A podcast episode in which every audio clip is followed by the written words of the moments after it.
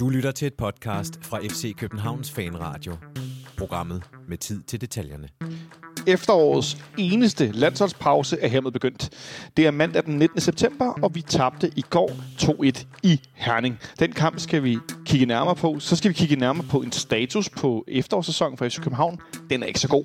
Så skal vi snakke om noget verserende eller vedvarende ballade, der er med, med, med FCK-fans og Brøndby-fans. Og så skal vi tale om VAR. Video Assistant Referee, for hvordan går det egentlig med det i Superligaen? Du er tunet ind på FC Københavns Fanradio. Mit navn er Jonas Han Folker. Velkommen indenfor. Det er som sagt blevet mandag, og jeg sidder endnu en gang bænket i FC Københavns Fanklub. Vi var her desværre ikke i fredags, fordi at vores planlægning simpelthen røg en tur i vasken, og der var nogen, der skulle passe nogle børn og noget, så øh, vi fik desværre ikke lavet nedtagt for vores rimelig øh, solide præstation mod Sevilla herinde i parken, en 0-0-kamp, og vi fik dermed heller ikke lavet optag til topbraget øh, i hvert fald sådan øh, størrelsesmæssigt, rent klubmæssigt, i Herning i går. Så nu øh, runder vi lidt det hele. Vi laver en status på FC Københavns sportslige situation lige nu, og så kigger vi øh, en smule frem i forhold til, hvad vi frygter, håber, tror, der kan ske i den kommende periode. Øh, men øh, jeg skal også lige byde velkommen til dagens to gæster. Til venstre for mig, der sidder den øh, hurtigste mand på, på cykel. Nej, det er måske ham over på den anden side. Det kan vi finde ud af med et øjeblik. Benjamin Dane, velkommen til dig, Benjamin. Mange tak. Det er blevet efterår i København, skulle jeg til sige. Ja, jeg havde i hvert fald en sådan en halvkold modvind på vej her. Ja, det skal jeg love for. Det havde jeg også inden for Inderby, hvor jeg cyklede afsted fra mit arbejde. Øh, og den anden øh, gæst, Alexander Elvedon, velkommen til dig også. Tak skal du have. Er du også lige kommet fra Inderby? Ja, det er, og øh, det var også koldt og modvind, sjov nok. Du sidder nemlig i den samme bygning som mig, bare lige rundt på den anden side. Øh, så jeg tænker, du har også øh, haft den samme vind som mig ud over Fredensbro. Det var dejligt. Øh, jeg kommer fra den anden side, jeg synes også, der er modvind der. Ja, men det er fordi, at det er sådan et efterår nu, hvor det lige meget, hvad der sker, så finder vi går kan ikke give dig medvind nogen steder på cykelstien. Det er bare fuld modvind. Modvind er der også for, øh, for FC København PT rent sportsligt. Øh, det skal vi starte med at tale om. Så jeg synes egentlig bare, at vi skal spole øh, tiden tilbage til i går, hvor vi var i Herning hvor at vi skulle møde FC Midtjylland. Det kom frem allerede dagen inden øh, via andre fanmedier, øh, at øh, i denne bus, der kørte til Herning, der var hverken Rasmus Falk eller Andreas Cornelius med. Og ganske rigtigt, de var jo heller ikke i truppen. Det var Carlos Sikker til gengæld, som man godt kunne, efter at have set den sidste periode, være lidt i tvivl om med. Øh, men det efterlod os i en situation, Benjamin, hvor vi igen ikke, øh, udover øh, selvfølgelig Mamadou øh, Karamoko, havde en sådan egentlig angriber i truppen, og han var jo ikke rigtig i spil mod Sevilla i midtugen. Så øh, det var en startopstilling, hvor vi spillede, ja, jeg vil kalde det uden en rigtig angriber. Ja, det, det siger jo også en hel del, at øh, i slutfasen af kampen ender med at være øh, Ori Oskarsson, der øh, bliver skiftet ind til allersidst, og ikke Karamoko. Øhm, han har ligesom med, med, med nogle øh, ganske få optrædener øh, fået vist øh, træneren, tror jeg, at øh, han ikke er en, man kan stole på, og nu er det altså en... Øh, 17-årig, eller er han fyldt 18-årig? Han, jeg skulle lige sige, han er faktisk fyldt 18 her den 29. august. Ja, er lige akkurat 18-årig islænding, som, øh, som altså skal, skal være den egentlige øh, angrebsreserve, ser det ud til. Så ja, endnu en gang, øh, det, det som han jo så havde, havde valgt at gøre anderledes i Storup, det var, at han havde valgt at putte øh, Havkon på, på toppen og, og flytte klasserne en gang ned. Øh, hvilket jeg tror, at han har valgt at gøre ud fra en betragtning om at, øh, at få etableret så, så godt et første pres som muligt. Øh, det ved vi, at når både, øh, når både Isak og Havkon er på banen, så, øh, så bliver der altså løbet nogle meter. Ja, der, og der bliver også der bliver løbet, altså der, på. der bliver løbet nogle meter, meter i sprint, og, øh, og, og Darami kan også godt presse, ikke mindst med, med sin fart. Så, øh, så, så det var det, tror jeg, det ligesom var sat op til. Og så, øh, så måtte klare sådan en, en, en enkelt tak længere tilbage. Det er længere tilbage på banen, der startede stammen i igen. Og jeg vil at sige, øh, Alexander, i stedet for Lukas Lea, hvad synes du, det er for den signal? Stammen spillede jo også en stor del af kampen mod Sevilla i midten, hvor han jo for øvrigt gjorde det, synes jeg, for en 18-årig uden den store internationale rutine. 20 er han vist blevet. 20, undskyld. Ret godt. Ja, og det gjorde han også i går, synes jeg. Øhm, men mere om det senere. Øh, signalet er jo øh, utvetydigt, at øh, der er et eller andet, som øh, Torup ikke er tilfreds med. Om det så er spillermæssigt, eller om det er nogle kommentarer, som... Øh, blev sagt i et interview for, hvad er det, en små to uger siden efterhånden. Øh, det skal jeg ikke kunne sige, men øh, der er i hvert fald et eller andet, som Jes Torup ikke er tilfreds med, fordi hans præstationer på banen har jo ikke været decideret dårligere end stort set resten af holdets præstationer her over de seneste kampe, så, det er i hvert fald svært sådan at hive ham ud og sige, okay, det er ham, der er skyld i, at vi øh, har været så ustabile, så, øh, så jeg tænker, at der, der enten er noget på træningsbanen, eller noget øh, sådan mere noget ikke sportsligt, øh, ja. der gør det. Jamen altså, jeg, jeg tror måske også bare, at, at øh, altså det, det her med, om det, om det er de her udtalelser, det er jo, det er jo lidt svært at, at spå om, men man kan selvfølgelig notere sig, at, at de to, som øh, måske har leveret udtalelser, der sådan i størst grad kunne tolkes i en negativ retning, nemlig øh, Lukas Lea og Nikolaj Bøjlesen, de sidder på bænken for tiden. Øh, men, men hvis vi skal kigge på det rent sportslige, øh, og det som vi måske kan tale en lille smule ja. mere kvalificeret om, så kan man jo i hvert fald sige, at øh, Øh, en, en spiller som Lukas Lea er nok er en af dem, som øh, Jes Torp i den her øh, situation, vi er i, har forventet skulle tage mere ansvar, end, end tilfældet har været. Jeg tror, at i, øh, i sådan en kamp som oppe i i Farum, da vi taber 3-1, hvor Jes Torp efter kampen står og efterlyser ledere. Øh, der, der er jeg ikke i tvivl om, at Lukas Lea er en af de spillere, der ligesom bliver peget på i sådan en situation. Altså, når Seca ikke er med, hvem skal så løfte? Jamen, det skal Nikolaj Bøjlesen, det skal Rasmus Falk, det skal Lukas Lea, det skal nogle af de her rutinerede danske spillere, der kender klubben og kulturen og ligaen og alt det her. Øh, og, og det, det må man jo trods alt sige, at selvom han måske øh, ikke rent sådan individuelt har været værre end, end så mange andre på holdet, så har han måske manglet noget der. Altså, han er en af de spillere, hvor man forventer, at at han skal kunne løfte sig også øh, og have en betydning for holdet, ud over bare sin egen præstation isoleret set. Man kan vel groft øh, sagt, Alexander, sige, at det er tre af de her øh, ledertyper, som på en eller anden måde er sat ud af holdet. Øh, Bøjlesen har været en del på bænken, Lea har nu på bænken nogle gange, og så er der Peter Ankersen, som er helt ude af truppen, har været et stykke tid, øh, for at hacke sin Twitter-konto, der liker et tweet fra Ingeborg Brodersen, der, der, der skriver noget om Jes Torup og et eller andet, og så, øh, så er det noget med, at han får autologin nulstillet sin konto, og tweets bliver slettet, og det samme gør alle likes og sådan noget.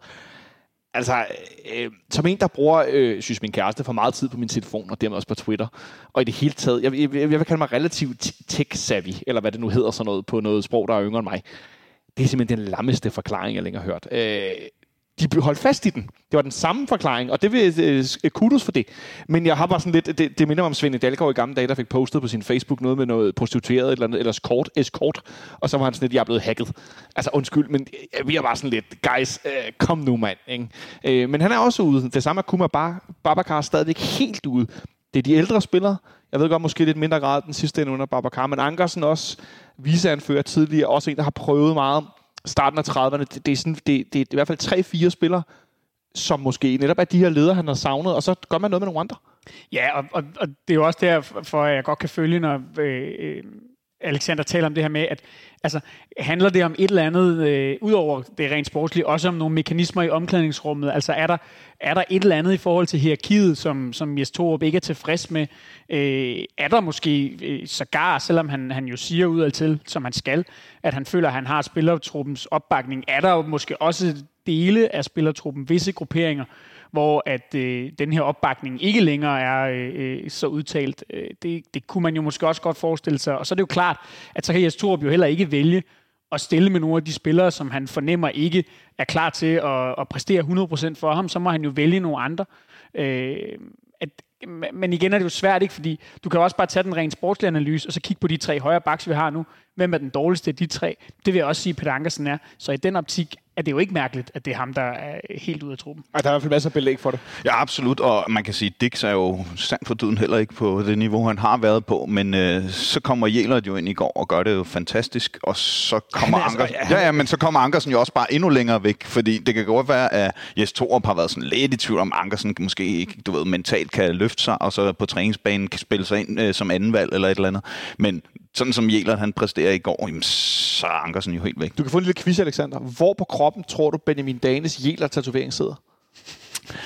Jeg vil skyde på øh, lige over venstre bryst. Lige over venstre bryst, fordi Benjamin, du er helt vild med den måde, Elias Jelert han spiller på. Altså, jeg er i hvert fald øh, ikke et sekund i tvivl om, at øh, han er den bedste højre bak i FC København lige nu. Og øh, og måske er, er det i virkeligheden ikke øh, så meget min sådan øh, øh, jæler-tatovering, vi skal snakke om. Som, okay, okay, som, det var plat, undskyld. Øh, som, hvor træt jeg er, er efterhånden er, er blevet af at se på, på Kevin Dix. Øh, jeg synes, at hans øh, tekniske niveau i særdeleshed øh, frem af banen er... Øh, altså langt, langt under, hvad man kan forvente af en, øh, en spiller i FC København.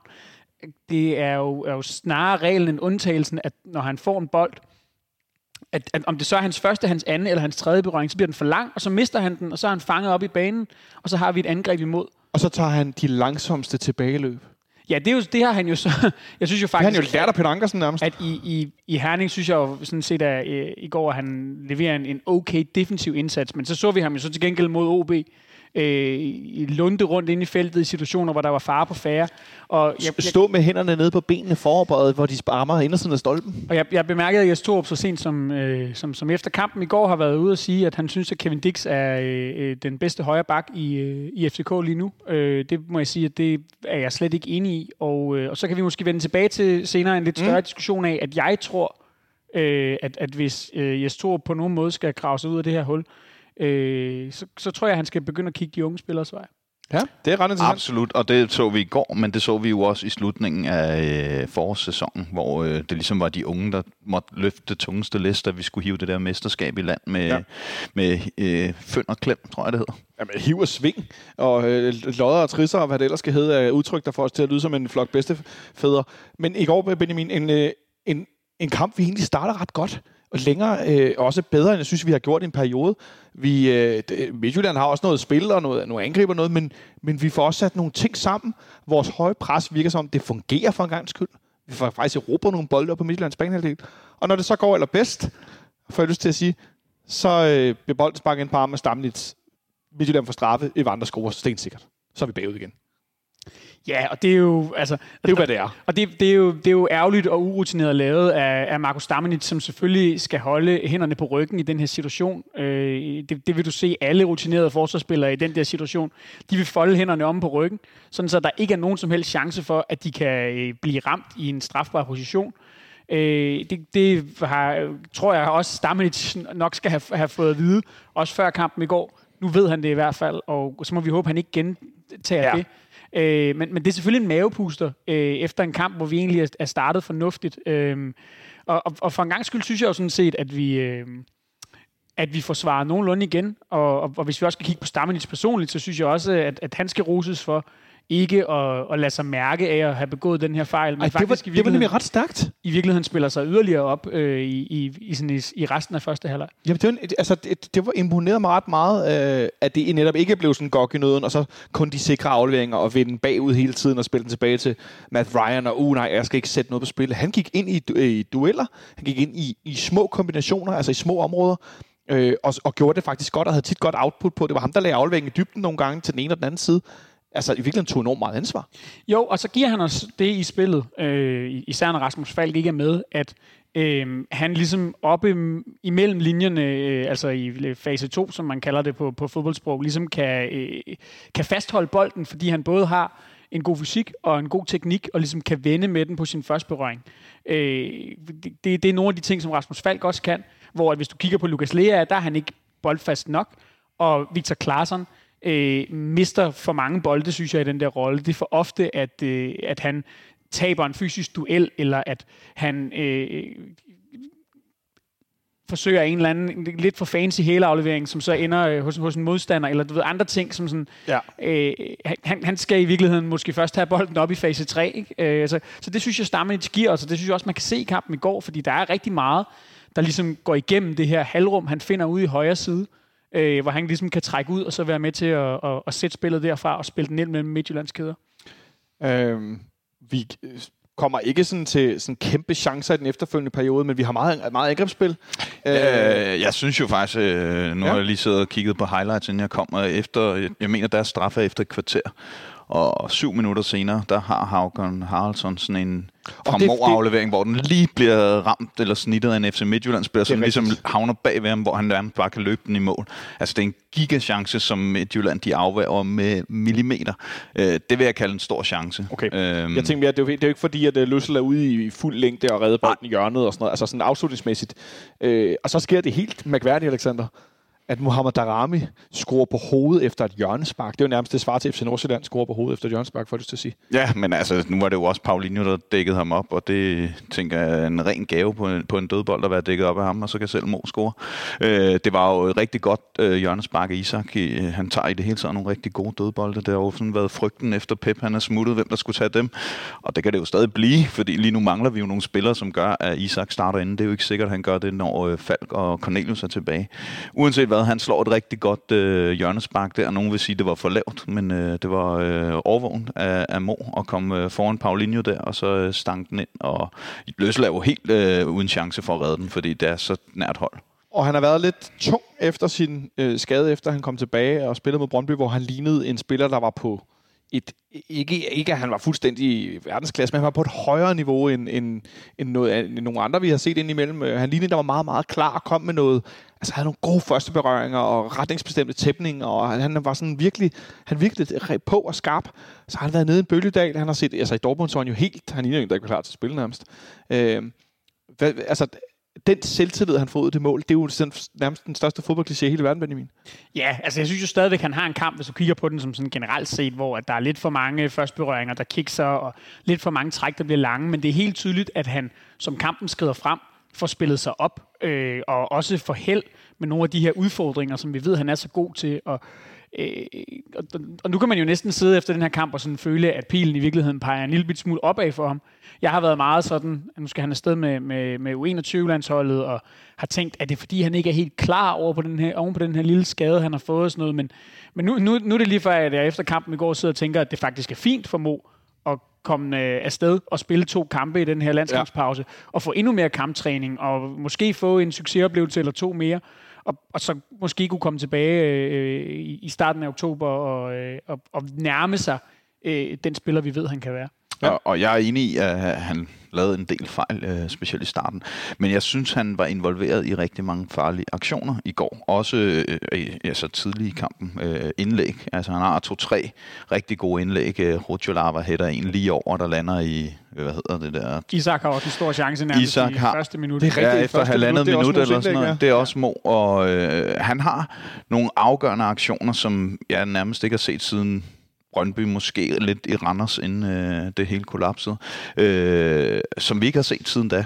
Okay. Øh, og og dem havde han mange af, og ikke bare målet, men øh, altså sådan nogle næsten assist. Det er ja, også ham, der også laver, det er ham, der laver den der, som jeg lige fortalte om med Havkon, hvor den lige bliver snittet af en Midtjylland-spiller, øh, hvor han også sætter en mand og laver sådan en cutback, og altså, jeg synes bare, han var virkelig involveret i mange af vores farlige ting i går, øh, i modsætning til de sidste mange, mange kampe. Og er det også i anden halvleg, hvor han nogle gange laver den her... Øh den her dribling, hvor man tænker, du kan ikke drible længere ned til baglinjen, kære ven. Og så gør han det alligevel og laver for tofodsdribling, hvor han går indad, og han gør det mm. på mhm. baglinjen. Og han er jo fejlvendt, og det har vi altså set nogle gange. Vi så det også mod Sevilla, hvor det er sådan lidt, det kan du ikke, og det gør han. Han gjorde det også en gang mod Dortmund, gjorde han ikke det? Jo. Altså, hvor han var helt væk. den der vej, øh, det synes jeg bare er meget fedt. Nå, og, øh, men, men en bedre kamp, end vi har set i nogle, i nogle, ja, hvad skal vi sige, det sidste stykke tid for ham i hvert fald. Øh, og der begynder det at se meget godt ud der første halvleg, Benjamin Esser, og tænkte, nå okay, nu begynder det at ligne lidt. Og så scorer Midtjylland på et kontraangreb, hvor Victor Christiansen simpelthen ikke får trukket offside. Eller er det Kutular, der ikke hjælper ham? Hvor er vi henne? Øh, Begge ting måske? Ja, jeg, jeg, jeg synes mest af alt, det ligner, at... Øh, ja, hvad hedder han, øh, at Victor Christiansen er, er fejlplaceret. Han står bag sin kæde ja. øh, og, og, og, og skal træde et skridt op, og dermed trække Anders Dreyer offside. Men, men det er jo hele... Øh, altså, det er jo ikke fair kun at skyde på ham, fordi det er jo hele sekvensen. At det starter med, at øh, Henrik Dalsgaard har bolden nede i, i Midtjyllands felt, ja. og så smækker de en lang bold op på Soy Kabar, som fik alt for let spil, i, øh, i, i, især i første halvleg, til at falde ned i mellemrummet og det, tage bolden ned og blive retvendt. Og, altså, øh, jeg synes eksempelvis ikke, altså, øh, kan vi snakke om, om, om Seca lidt senere måske, jeg synes, han stod svagt i billedet, fordi det er jo blandt andet ham, der skal være med til at lukke det her rum ned, og stopperne, der skal øh, være bedre til at træde op på ham og vinde de fysiske dueller. Men han, han får så taget den til sig her, vendt rundt og øh, spillet en perfekt bold i dybden til, til Anders Dreyer, og så, så ved vi jo godt, at, at når Dreyer kommer i de der situationer, ja, ja. Altså, så, så er der jo mål, så, så du skal jo undgå øh, hele sekvensen meget tidligere, kan man sige. Ja. Øh, Sorry Kabar, som jo tidligere var noget af det mest egocentrerede, jeg har set i dansk fodbold, som jo simpelthen efter sit ophold i i ikke-dansk fodbold i, i Belgien, hvis jeg ikke husker forkert, øh, simpelthen er blevet lidt af en holdspiller. Ja, det er, det er meget syret at se på i virkeligheden. Det er lidt, lidt, lidt overraskende for mig i hvert fald. Måske har jeg været for lidt, for lidt for naiv, men, men han er simpelthen blevet en, en... Ja, han kigger mere på sine medspillere.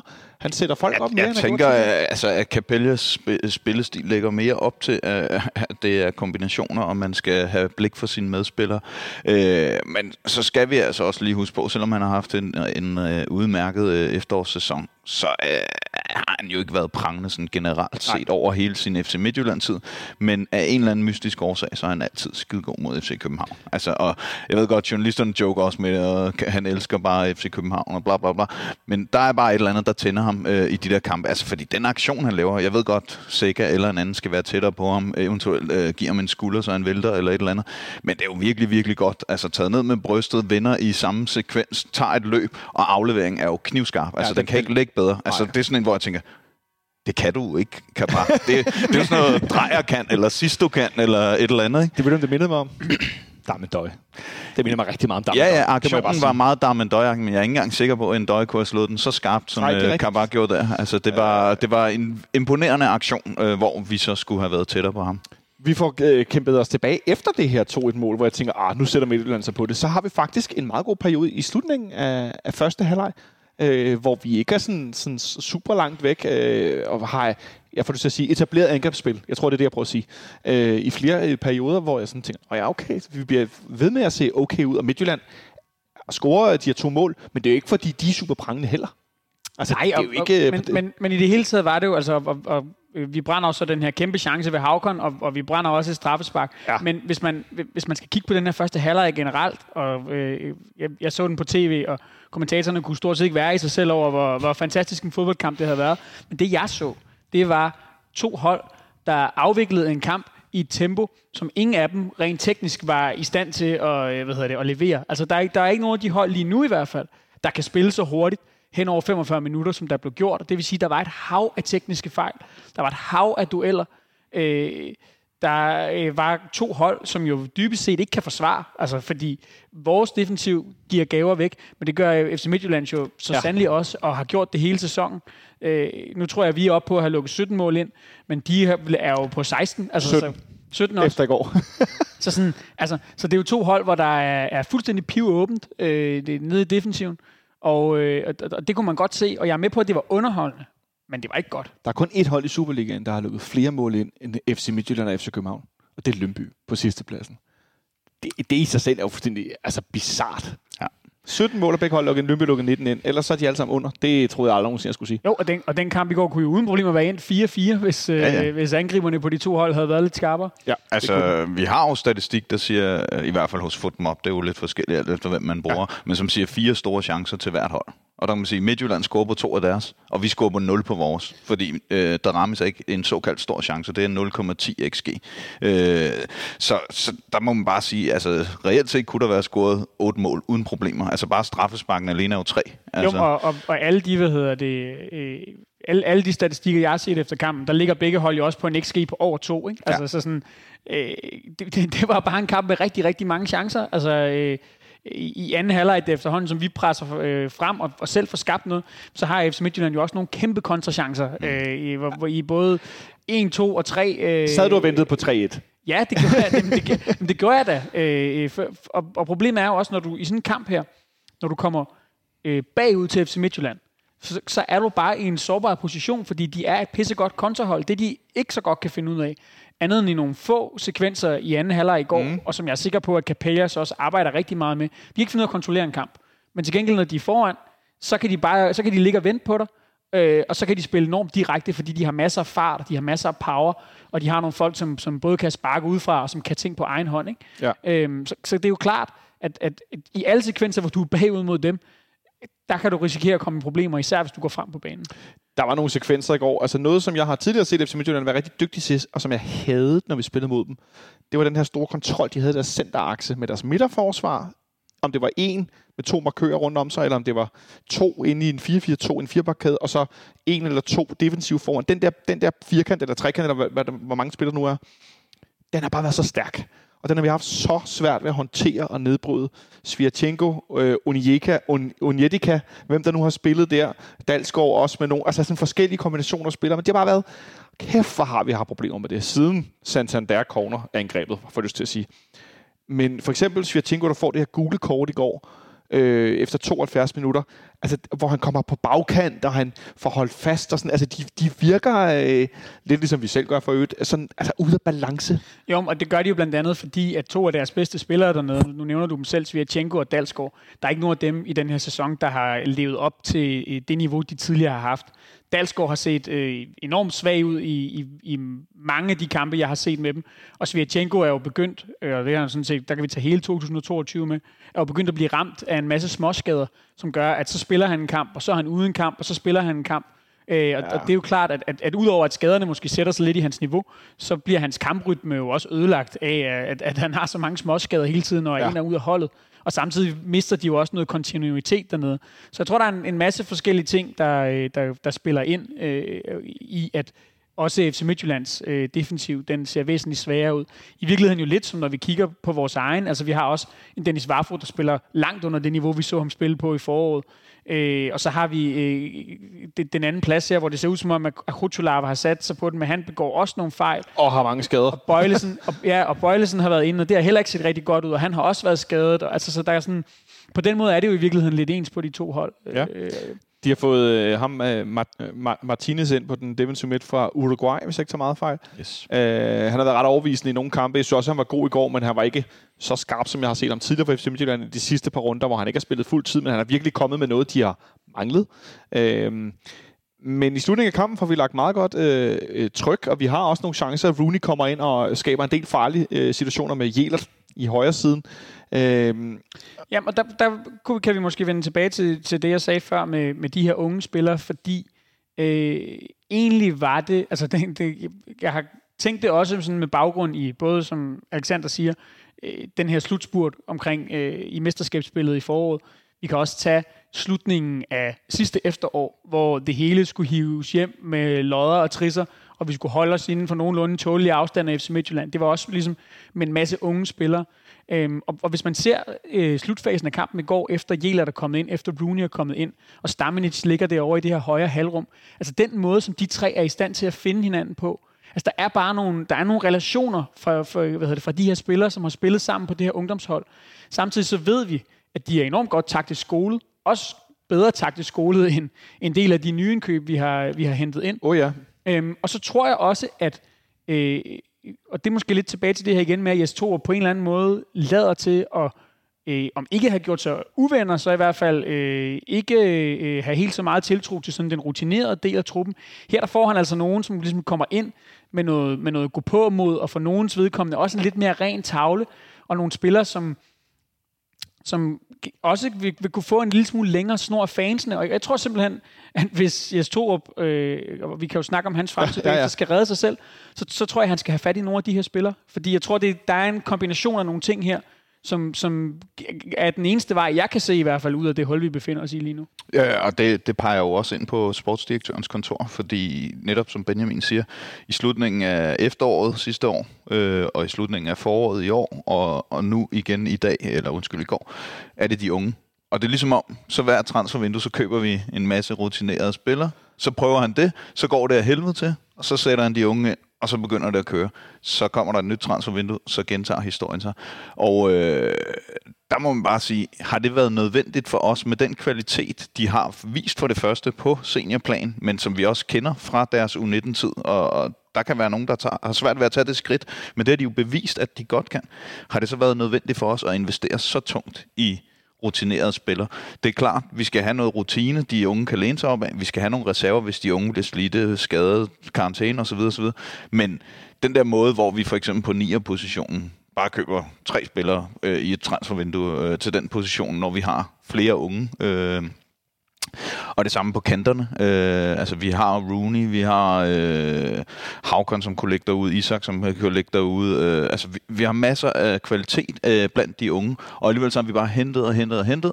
Og, og hvornår er det, det virker? Det er, når vi bruger de unge. Øh, og det tror jeg handler om, som øh, Benjamin siger, der er nogle relationer der, som... Øh, de kan tage med sig videre vi, i... Vi ser det i truppen i går, Benjamin. Øh, at den eneste af de her... Altså, der er nogle sikre kort. Jeg deler dem lidt op. Varvo spiller, Klaarsson spiller, øh, Matt, Matt Ryan spiller for øvrigt. Hvor er det fantastisk at spille mod FC Midtjylland på udebane med en målmand, der går med fødderne. Det ændrer jo fuldstændig vores måde at spille på. Mm. Det er kæmpe kudos til Matt Ryan. Øh, men at de her sådan andre spillere, der er blevet hentet, øh, selvfølgelig Isak i vinduet før det sidste sommer, Den eneste, der er med, det er Mukayo, der sidder på bænken. Han kommer ikke på banen. Altså, øh, Amur har den her øh, korsbåndsskade. Han er ude i et år. Øh, Babacar, han træner med elastik derhjemme, kan vi se, og skriver Jesus-citater på Instagram. øh, og hvem er der ellers? Kalamoko, han, han, er, han er plantet på bænken igen. Han er han, også på bænken. Han, han er så også på bænken i går, ikke, men kommer ikke ind.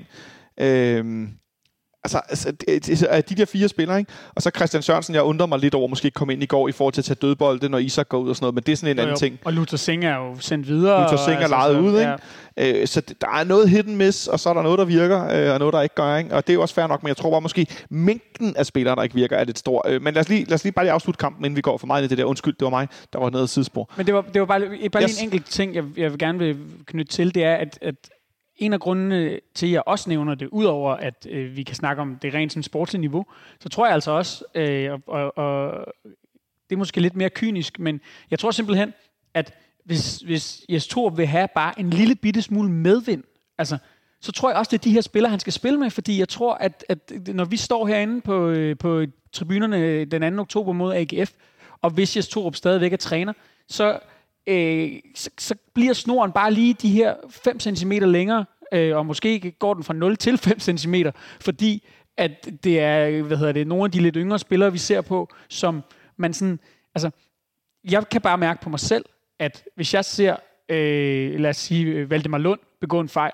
så har jeg større forståelse for det, end når jeg ser Dennis Vavro eller David Krutulava lave en fejl. Hvordan kan det være? Jamen, fordi at, at det er... Dels fordi der er tale om unge spillere, man ved, at, at øh, det er, hvad der kan ske. Dels fordi det er vores egne. Altså, det, det, er jo, det er jo også derfor, jeg synes, de er sjove at se på, når de lykkes. Det, det føles bare federe. Det er nogen, der kommer... Øh, altså, de kommer fra København. De kommer fra klubben. Øh, de har ligesom fået det hele øh, ind med modermælken nærmest. Ikke? Altså, det, jeg, jeg ved i hvert fald bare fra mig selv, og så tror jeg, der er mange der har det, at jeg giver dem lige lidt mere slag. Tror du, Alexander, man kunne finde på at, at, at tænke i den her retning i forhold til at løfte tingene? Altså simpelthen, en ting er, at man, de siger meget, det er de bedste, der spiller. Det er lige meget, om du er 19 eller om du er 39 men at man begynder at tænke lidt i, også i forhold til, at man sætter nogle rutinerede spillere af, nogle folk, der måske skaber øh, dårlig dynamik, et eller andet, altså nu tolker jeg bare undskyld, men at man kunne begynde at tænke lidt i det, Benjamin siger. Jamen, øh, jeg synes, historien viser det modsatte desværre. Altså igen, hvor meget vi investerer i de der transfervinduer på, det, der viser sig ikke at være særlig godt, og øh, Jesses modvilje mod at bruge de unge før, han er helt ude på kanten, som han var til kampen i går, efter det pres, der har været her i løbet af efteråret, som han var i slutningen af, af sidste sæson osv. osv. Jeg synes ikke, selvom Jes han snakker om øh, de unge, og vi er ikke bange for at give dem chancen osv., men jeg synes ikke, at hans eller han sætter handling bag de ord. Øh, altså hele efteråret her har han jo valgt de mest rutinerede øh, indtil de sidste par kampe, hvor de unge så langsomt er begyndt at blive sluset ind. Ikke? Ja. Men og, og argument nummer et, skal vi jo bare lige holde fast i, det er jo altså stadigvæk sportsligt niveau. Altså, og, og jeg tror også simpelthen, ja. nu har vi set øh, øh, vores forsvar kejle rundt kamp efter kamp, og der er, der er ikke nogen af de her tre spillere, der er foretrukket i startopstillingen, som kan sige sig fri for ikke at have begået fejl, eller ikke øh, at, at have været indblandet i øh, de, mange af de 17 mål, som, som vi har lukket ind i Superligaen. Altså, Spørgsmålet er, om ikke det er på tide, også for simpelthen at, at, at vise øh, nogle af de her spillere, at når du, når du ikke præsterer, så spiller du ikke. At Valdemar Lund, han får chancen for eksempel på hjemmebane mod AGF. Altså, at det, det, er vel, det er vel ikke helt utænkeligt. Altså en gang spillet, gjorde en udmærket figur i en 3-0 sejr op i Lyngby, øh, og er måske sit årgangs største stoppertalent i Danmark. Altså, så, det er sådan, så der er også nogle ting, der gør, at, at, at måske er der også bare nogle timingmæssige ting, der gør, at det er nu. Altså, ja. at de her spillere kan komme til at blomstre, ligesom vi har set Stamage gøre nu. Ikke? Ligesom vi måske kan komme til at se Elias Sjælert øh, gøre, hvis øh, Jes Torup når at finde ud af, at Kevin Dix ikke er hans bedste højreback. Kampen slutter også med det, jeg troede, der skulle blive 3-1 mål. Jeg troede, Midtjylland ville score det på kontra. Det fik jeg meldt ud i vores øh, fanradio øh, besked, øh, hvad hedder sådan noget, tråd. Øh, og den kære øh, navnebror til mig, Jonathan Løring, fik pænt sagt, ah, det blev ikke på kontra, det blev på straffe. Det gjorde det så øh, ikke alligevel, men der fik øh, Carlos Sikker jo også begået et straffespark, der var så klodset, det lignede, øh, altså hvis vi spillede ølbowling på Roskilde Festival, og vi skulle prøve at, efter 10 dåser at give hinanden kram for sjov, og så falder man lidt over hinanden, fordi han jo altså, tumler ind i Midtjyllandsspillet. Ja, man, jeg synes, han kroner en dårlig kamp. Ja, øh, det er rigtigt. Altså, kort sagt. Og så får Sorry kan bare lavet en Robert Skov øh, og sparker øh, ind på sit venstre ben, men den her gang, der er der altså både var det ene og det andet, så målet bliver øh, til stor forundring for hele stadion, og, og øh, Sorry Kabar øh, annulleret, og så taber vi kun, har jeg lyst til at sige, 2-1. Og jeg må sige, jeg, kunne overhovedet ikke se, jeg så den også på tv, jeg kunne overhovedet ikke se det i alle de slows, de viste. Øh, det jeg kunne se, det var, at både Maddie, men også øh, flere andre spillere løb ud med to fingre med det samme, da han sparkede. Og derfor tænker jeg, at den har været god nok. Men jeg sad seriøst og kiggede og kiggede, og med lidt rigtig god vilje, så kan man se et lille sådan, øh, hvad hedder sådan noget, knæk på bolden. Men Kunne du ikke se det, da man så det ned fra den anden ende? Ja, Ja, jeg man synes så det, også- der var den meget tydelig. Jeg synes nemlig også, at, at det synes øh, jeg ikke, men... Øh, Jeg kunne se det på vinkelen bagfra. Ja, altså, Før det var jeg i tvivl, men sådan, Ja. ja. det der simpelthen sker, det er, og det er jo sådan set det samme, der, der sker dengang med Robert Skov øh, herinde i parken. er støttefoden ligesom Det er- glider ind foran bolden, ikke? At støttefoden glider, så han simpelthen han sparker det simpelthen ind på knysten af sig selv. Ja. Øh, Og bolden er jo på vej i den retning, hvor at Matt Ryan er på vej over. Mm. Jeg tror måske faktisk godt, han kunne have reddet den. Men den ryger så i midt i målet i stedet for. Men apropos var, det, det bliver jeg lige nødt til at høre. Det, det, det kommer vi til. Ja, ja, men det, det er i forhold til den situation her. Ah. Skal, skal VAR ikke kigge igennem øh, opspillet til et straffespark, ligesom de skal på et mål, øh, om der er en forseelse? Fordi der var jo noget, der lignede et kæmpe, kæmpe frispark øh, på... Hvem fanden var det? Var det, Det. Klaarsson? Christoffer Olsen øh, vælter Klaarsson eller hiver ham om kul i opspillet til der, hvor straffesparket bliver begået. Det tror jeg simpelthen, øh, jeg fuldstændig har misset i bare sådan en håbløshed over, at når nu får de straffe, så vinder de. For det er bare, jeg har jo set før mål, der bliver annulleret, fordi at der bliver begået en forseelse i opspillet til en scoring. Men, men nu, nu spørger jeg måske dumt, gør vi det i Danmark? Øh, altså, opspil til mål, men, men jeg er ikke sikker på, at straffespark er det samme. Nej, jeg tror okay. ikke, der er nogen af os, der, øh, der desværre er i stand til at, til at opklare den her. Men man kan jo så sige i hvert fald, at det, det her var en af de øh, situationer, altså ved straffesparket, hvor at, øh, var så i det mindste i den her runde viste sig at virke. Ja, det skal vi tale om senere, fordi det her, øh, det var... Ej, sorry, jeg er nødt til at lave en joke om det. En øh, meget speciel weekend for det her Video Assistant Referee system. Der har været rigtig meget øh, gang i den. En uh, man of the match for FC København i går, Benjamin. Skal vi kåre, inden vi går videre? Øh, jamen, det bliver så Marco Stamenic for mit vedkommende. Jeg synes, Mm. øh, jeg synes, han spiller en rigtig stærk kamp. Jeg synes, han, som jeg også nævnte tidligere, rejser sig rigtig flot oven på det her dumme straffespark, han får begået, og den er jeg ligesom, øh, den er jeg villig til at strege over, og så, så se på resten af hans præstation i stedet. Og jeg synes, at han, øh, jeg synes, han har en, en kombination af teknik, fysik og ikke mindst hans vendinger, som, øh, som gør ham rigtig spændende i den her, øh, den her otte rolle Ja. Alexander?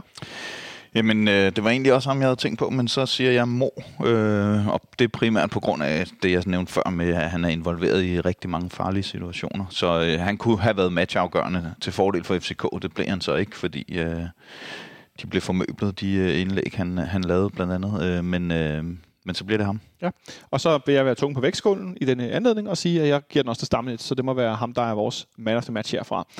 Dermed lukket ned den her øh, sidste kamp inden øh, landsholdspausen, øh, men der var også nogle andre ting i forbindelse med kampen, vi lige skal have vendt en gang. Fordi at øh, efter kampen, der var det sådan, at øh, Storbritannien var lukket. Der var gang i noget vejarbejde, hvad der skulle ske, så der skulle øh, folk holde i kø, og så skulle man kun køre i et spor hver vej, og det skabte en masse kø på Fyn.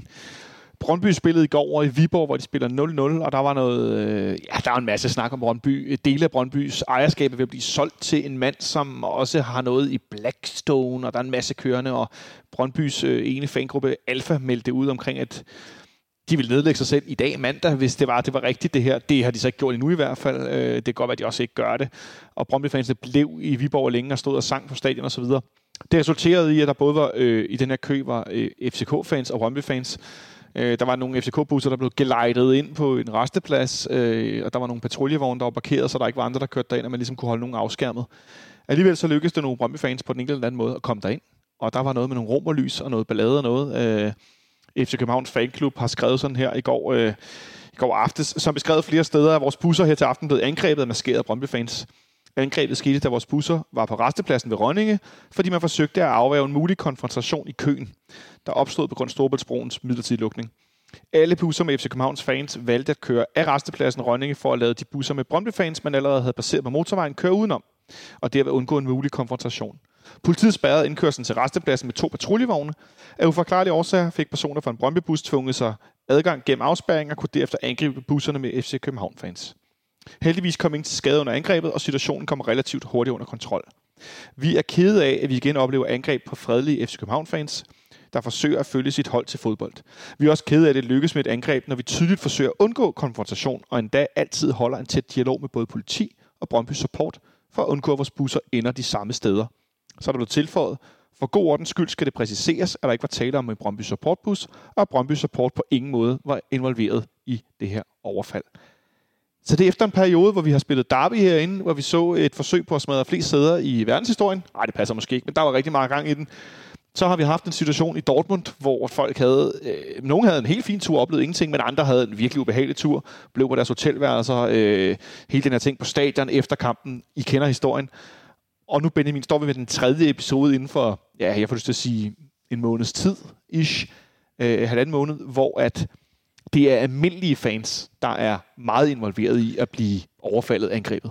Jamen, jeg, jeg synes, at øh, der, hvor, hvor der for mig, øh, og, og jeg har ikke rigtig nogen særlig indsigt i de her fanmiljøer, men der, hvor der for mig er sket et, et, et nybrud... Eller ah, undskyld, en, jeg, jeg glemte det her med at røve trøjer på folk og tog og den her historie også. Undskyld, jeg lagde lige men, på. Men og en, og en eskalering, øh, og der, der tror jeg egentlig, jeg, jeg, vil, jeg vil skralde øh, Brøndby-kampen fra, Ja, okay. fordi, fordi jeg synes, at det, der er sket, det er, at der er jo begyndt at foregå øh, voldelige episoder og ballade, som ingen relation har til derbykampe. Altså, det er jo fuldstændig uhørt, at øh, Brøndby-fans øh, rejser hele vejen ned midt i Tyskland for at rende rundt i byen og, øh, og jagte tilfældige FCK-tilhængere. Ligesom at det også er fuldstændig uhørt, øh, i hvert fald så vidt jeg ved, at øh, man som FCK-fan kan blive overfaldet på en tilfældig resteplads på Fyn. på grund af den øh, fodboldklub, man, man hører til. Altså, vi har jo i mange, mange, mange år set ballade inden derbykampe, under derbykampe, efter derbykampe, men det har altid været i relation til derbykampene, og der er jo virkelig bare sket et eller andet. Skal vi tilføje, der er, der er øh, fra Østerlig, hvor vi sidder, der er øh, 686 km til Dortmund i bil. Det er langt, der kører for at slås med nogen, der ikke er interesseret. Men, men, men der, altså, og jeg ved ikke, hvor det kommer fra, men i hvert fald så er der nogen, der har besluttet sig for, at det her, øh, og, og, og den her rivalisering, og øh, den kan tages nogle helt andre steder hen, øh, som jo, altså, tror jeg, kan på sigt kan få nogle, nogle dybt, dybt skadelige øh, konsekvenser for, øh, ja, for hele dansk fodbold nærmest. Ja, og jeg, jeg undrer mig over, og jeg læser i dag, Claus Thomsen udtaler, at øh, Claus Thomsen, som er... øh, direktør for Divisionsforeningen, Ja. øhm, han er ude og udtale i dag, at han ser ikke, at der er en eskalering i øjeblikket. øh, og det vil jeg bare sige, det kommer så ind på øjnene, der ser. Og det kan godt være, at det er, fordi han kun kigger på kampe, øh, som Benjamin nævner. Ej, undskyld, Og- jeg, jeg blev taget Har han lukket øjne? Jamen, og det er jo det. Der er jo ingen, der helt fatter. Øh, altså, det har fået så meget medieopmærksomhed, både det i Dortmund og også det i går, at det kan han jo ikke have overset, at øh, det er foregået. Og det er en eskalering, som Benjamin siger. Altså, det har vi ikke set før på den måde.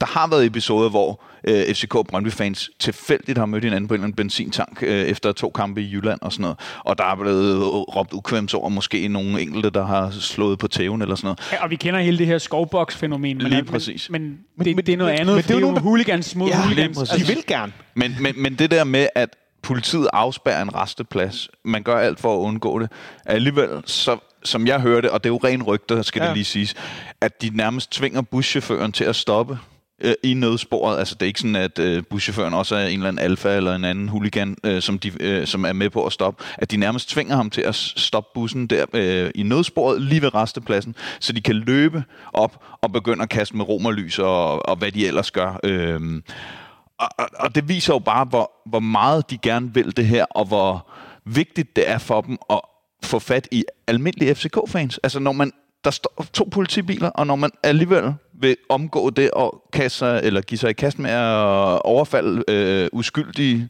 fans af, af rivalerne. Helt almindelige mennesker. Ja, så er det jo en øh, forrådelse, som øh, vi ikke har set tidligere.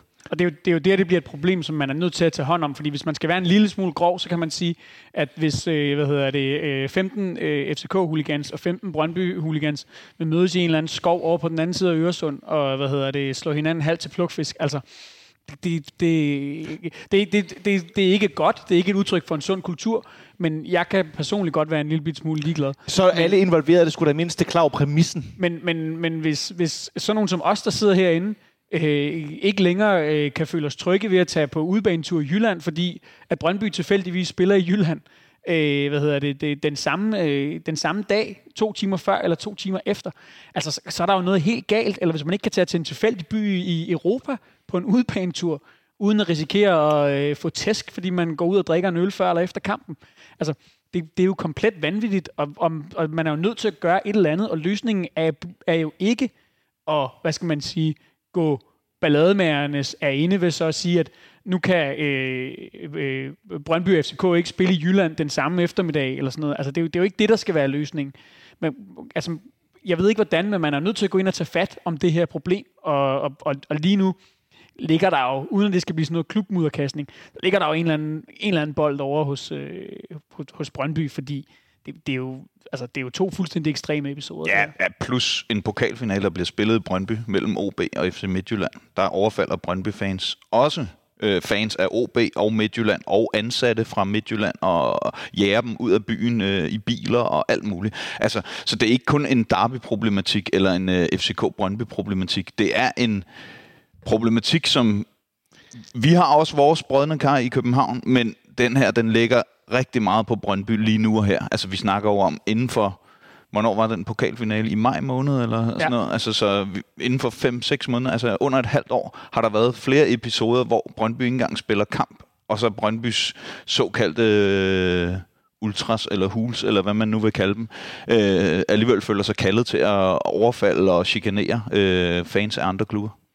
Jeg tror godt, at jeg så vil sidde for bordenden, fordi det gør jeg, og så sige, at jeg, det er jo ikke nyt at de har problemer med at kontrollere de her typer ude i Brøndby. Det er det jo ikke. Det Nej, men det er, nyt, det er nyt, at øh, de gør det på den ja. der måde, hvor de rejser rundt i øh, Europa og får til FCK-fans og overfalder fans af Midtjylland og OB, altså som de jo ikke har det her hadforhold til, som de har til København. Og, og så synes jeg også, det der er sket er, at vi har tidligere set ballade, også til derbykamp, hvis vi kan tage det med ind igen, øh, hvor der har været fl- mange flere involveret i at for eksempel smadre sæder eller smadre alt, øh, hvad der hedder toiletfaciliteter under D-tribunen jo for øh, 300-400.000 kroner, så vi den ene gang, hvor alt var revet ud af væggen og sådan noget. Stod vand i en stråle ud, altså op i loftet, ikke? Øh, fuldstændig bizart, det er onde, dumme toilet, når vi tabte til FC København, lad mig smadre dig. Det, altså, det er jo helt hårdt i hovedet. Men altså, at, at, at, at der har været meget ballade tidligere, hvor der er mange involveret, men hvor det er mindre voldsomt. Jeg synes, jeg oplever rigtig meget, der er måske, øh, det er en samme antal episoder, men de er ekstremt voldsomme, når de er der. Og vi så det også øh, sidste år, og sidste, altså sidste efterår, hvor at, øh, med, med politimanden ude til Derby i Brøndby, der må trække sin pistol, fordi de er så presset af en masse Brøndby-fans, øh, hvor de afspærrer gader, og politiet må kaste nærmest øh, tårgas efter, og de er bål i gaden og alt muligt. Altså, så, så episoderne er for mig at se blevet færre, men når de er der, så er de bare ekstremt voldsomme. Altså, det er virkelig voldsomt, det der foregår. Du sagde lidt før, Benjamin, at det kunne have nogle meget voldsomme konsekvenser. Øh, hvilke konsekvenser tror du personligt, det kan få i fremtiden? Jamen, jeg, jeg tror, at, at der, hvor, at, øh, øh der, hvor at, at Claus Thomsen også begår en stor fejl, øh, hvad hedder det, ved på en eller anden måde at vende øh, til synligheden det blinde øje til, hvad der foregår langt væk fra stadion, det er, at øh, den slags episoder som det her, øh, der, der sker i går, det er sådan noget, der lige pludselig øh, begynder at få nogen inde i øh, Justitsministeriet og i, øh, i Rigspolitiet og sådan noget til at, at, at få gode eller dårlige idéer. Øh, og, I hvert fald argumenter til dem. Og, og, og, og så er vi lige pludselig, så, så er vi bare i en arena, hvor at øh, øh Claus Thomsen og hans divisionsforening ikke længere har nogen kontrol med, hvad, hvad, hvad konsekvenserne så bliver. Det, der foregår på og omkring stadion, der er det som om, at man, man har en vis indflydelse i forhold til at, og, og ligesom, både i forhold til lovgiver og i forhold til politiet og sådan, og, at kunne tage en dialog. Men det er ikke sikkert, at, at hvis det ligesom begynder at sive ud i samfundet, altså så tror jeg bare på et tidspunkt, så falder hammeren bare, og hvad, hvad, hvad den hammer så er, det ved jeg ikke, og det vil jeg heller ikke gøre mig klog på, men, men så tror jeg bare, så, så, får vi, altså, så, så bliver det på et helt andet niveau, at øh, sanktionerne kommer i spil. Jeg må, da, jeg må da sige, Alexander, efter de her episoder, jeg har for første gang i mange, mange år faktisk ikke lyst til at tage ud til den her derbykamp, vi skal spille ud i Brøndby her, øh, om ikke så forfærdeligt længe. Det har jeg simpelthen ikke lyst til. Nej, men... Øh... Og det har jeg i mange år været en, hvor jeg har kigget... Jeg har taget ind til fanklub, så er jeg gået ind i fanklubbussen, så er jeg kørt til Brøndby Stadion, så er jeg gået ud ind i den her indhegning ud for en udbaneafsnittet, så er jeg gået ind og gået op på øvre, stået på bagerste eller næstbagerste række, set den her fodboldkamp, og enten været rigtig glad og vinket til de her folk, der har tabt på hjemmebane, eller været rigtig nedtur, og vi har tabt, gå tilbage ud i bussen, så har der været en masse ballade foran, vi har ventet, ventet, ventet, ventet, ventet, eskort af to politimotorcykler, kørt væk derfra, ikke i nærheden af noget ballade det føler jeg mig ikke rigtig længere tryg nok i. Det må jeg sgu indrømme. Jeg har ikke været på Brøndby Stadion siden 1999, da Brian Laudrup debuterede derude. Øh, det var en super ubehagelig oplevelse, hvor vi blev lidt forbi hytten, som jo så ikke det findes mere. Øh, ja, ja. Alt det der, hvor vi blev overdænget med alt muligt. Altså grene og stokke og fadøl og alt muligt halløj. Øh, og siden da har jeg ikke haft lyst til at tage, tage til Derby derude, og den der øh, fanklub-bustur har jeg jo tænkt på nogle gange, at så er man da rimelig safe. Men så hører man jo bare, der bliver kastet golfbolde over hegnet og alt muligt andet. Jeg har det bare sådan lidt, det er ikke det værd for mig. Altså, jeg vil gerne være på, på stadion, og jeg tager ikke på mange udbaneture, men det bliver til nogle stykker i løbet af hver sæson. Øh, men Brøndby er bare ikke en af dem, og det, øh, det skyldes en ting, og det er utrygheden. Øh, og det kan jeg forstå, at der også er nogle Brøndby-fans, der føler her i parken, øh, og, og det skal der bare gøres noget ved. For det, det skal simpelthen være muligt at gå til fodbold som helt almindelig fredelig fan, uden at frygte at få en på hatten. Ja, det kan jeg fandme godt forstå. Øh, men jeg vil alligevel appellere, selvom jeg nu selv sidder og siger, at jeg faktisk er usikker ved det, øh, til at hvis man ikke føler, det er ubehageligt, så bliv ved med at have sin fodboldtrøje på. Bliv ved med, fordi de skal ikke have lov til at skræmme os til at lade være. Det bliver jeg nødt til at sige, fordi så bliver det, at de får ret allerede nu. Og jeg, og jeg, altså, jeg kan godt forstå dem, der ikke har lyst til det. Jeg kan godt forstå, hvis man altså, undskyld, bor i Rødovre eller i Hvidovre, eller bor ude i Glostrup, eller Højtostrup, eller i Brøndby for den sags skyld. Ja, man ikke har lyst til at tage en FCK-trøje på. Det forstår jeg fandme godt.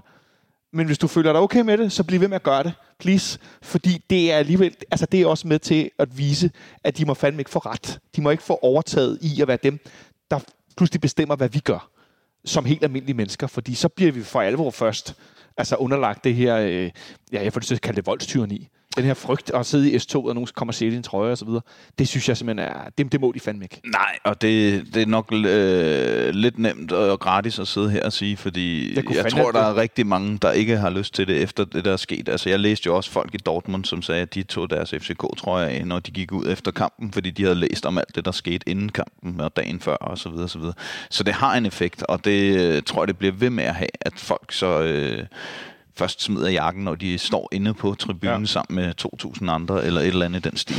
Men hvis jeg bare lige må vende yes. kort tilbage til den der, i, i, i øh, den der resteplads-ting, så forstår jeg slet ikke. Øh, jeg læste godt, at øh, Brøndby's fans var blevet tilbage på stadion og stod og synge øh, sådan lidt kumbaya-agtigt og sådan noget når de ved, at FC København spiller en kamp lige ved siden af. Altså, jeg kender ikke politikredsens opdeling, men jeg tænker, det er Midtjyllands politi begge dele. De har nok nogenlunde styr på, hvad der foregår i det område i hvert fald.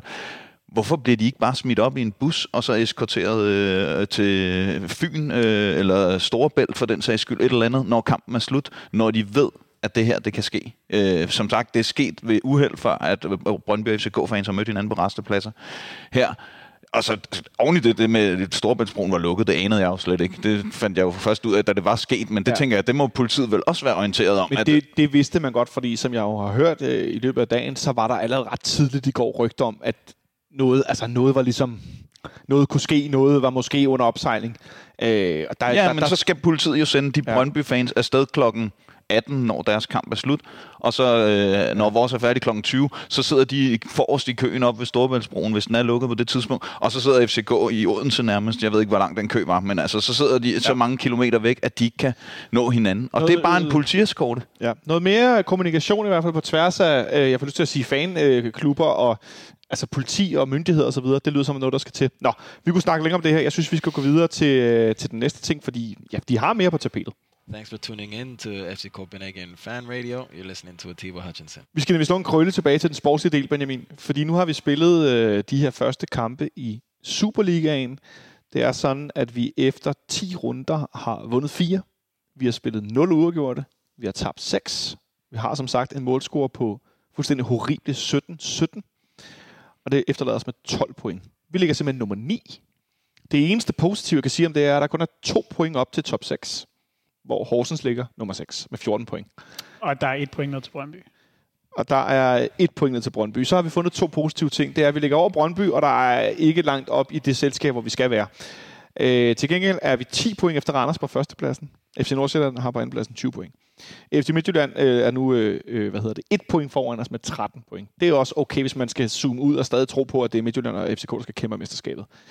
Øhm, vi er i en situation, hvor at øh, nogle af os, øh, både øh, kvalitativt og mindre kvalitativt, alt efter alkoholindtag og øh, øh, tålmodighed, har råbt, skrevet, øh, tikket om, at øh, vi fik en ny cheftræner. Det er ikke sket endnu. Øh, han var ude på træningsanlægget i dag, har vi set billeder af. Øh, så han er i hvert fald stadig øh, cheftræner per, per, per nuværende, så vidt vi ved. Øh, og øh, så er der nogen, der skriver til mig i går, øh, altså det er jo ikke, det er jo ikke Midtjylland-kampen, der gør, at han skal fyres. Øh, nej, men det er en akkumulering af lang, lang, lang tids alt muligt. det her det er status lige nu. Vi fører også i Champions League, hvor vi har et point efter, øh, efter to kampe, efter vores uafgå mod Sevilla i sidste uge. Hvor synes du, det efterlader sådan rent resultatmæssigt sportsligt lige nu, Benjamin? Jamen, jeg, jeg vil godt starte med at, at tage fat i det, du siger med, at det ikke er Midtjylland-kampen, han skal fyres på. Det er, jo, det er jo sådan set rigtigt. Vi kan tage begge kampene. Vi kan tage både Sevilla-kampen og så den her kamp mod FC Midtjylland, hvor vi jo sådan set præstationsmæssigt gør det okay begge kampe. Ja. Og det er ikke på baggrund af de to kampe, at Jes Torup skal fyres. Men det er heller ikke på baggrund af de to kampe, at Jes Torup skal reddes. Og det er mindst lige så vigtigt. Fordi det, vi taler om her, det er en lang, lang periode. Og vi kan sådan set i virkeligheden tage hele den tid, han har været her. Fordi det er snart øh, to år, nærmer det sig. Og vi har stadigvæk ikke set et kontinuerligt, solidt udtryk for det her FC København-hold. Øh, han, altså, der bliver stadigvæk sadlet om hver tredje måned i forhold til, hvad er det for nogle spillere, vi bruger, hvordan er det, vi gerne vil spille, har vi en stor angriber, har vi en falsk nier, har vi slet ikke nogen angriber, øh, øh, hvad er det for nogle typer, vi har på kanterne, øh, skal vi have en boldspillende midterforsvar, skal vi ikke have en boldspillende midterforsvar, hvem skal spille sekser, altså, det er sådan, det, det, der, der bliver hele tiden rørt rundt i gryden, fordi at, øh, at man stadig søger efter det her fundament, som holdet skal stå på. Og det er jo derfor, at Jes Torup skal fyres, når han så har leveret en sæsonstart, øh, som du ramser op, kun har budt på fire sejre og seks nederlag i 10 kampe. Det, det, er jo, det er jo det, der er den samlede pakke, og i det perspektiv, der er det sådan set fuldstændig ligegyldigt, øh, hvad, hvad øh, der så er hent i den her Sevilla-kamp og i den her FC Midtjylland-kamp i går. Man kan sige, havde han vundet overbevisende i begge kampe, altså havde han slået Sevilla 2-0 og FC Midtjylland 2-0 eller 3-0 i går, så er det klart, så havde man måske øh, sparket noget momentum i gang, eller det FC Midtjylland har med deres to seneste sejre, som så kunne gøre, at man siger, okay, så ser vi lige, hvad der sker på den anden side af øh, landskampspausen. Men, men, men to godkendte præstationer er for mig bare ikke nok, og det er det, jeg synes, der er status lige nu, og det er derfor, at jeg ikke kan forstå, at øh, Jes Torup per dags dato stadigvæk er træner i FC København. Jeg vil kalde det ærefulde nederlag. Alexander, fordi det minder lidt om øh, Jeg bortset fra, at, at Sevilla jo ikke var et øh, nederlag. Nej, ikke den, men os, som i går i Herning, hvor man tidligere har set danske hold i Europa op mod overmagten, og man spiller måske lidt over evne, og man er virkelig tæt på, man brænder nogle chancer. Nej, hvor har man dem faktisk? Og så det andet hold, de har en enkelt aktion eller to et angreb, score, gå videre. Og så taber man med æren i behold, men man taber. Og det var lidt det, jeg oplevede i går igen. Det er det her ærefulde nederlag, som man måske godt kan leve med en situation, hvor man gør det rigtig godt ellers. Altså, okay, så taber man, men man er på hesten, man er afsted.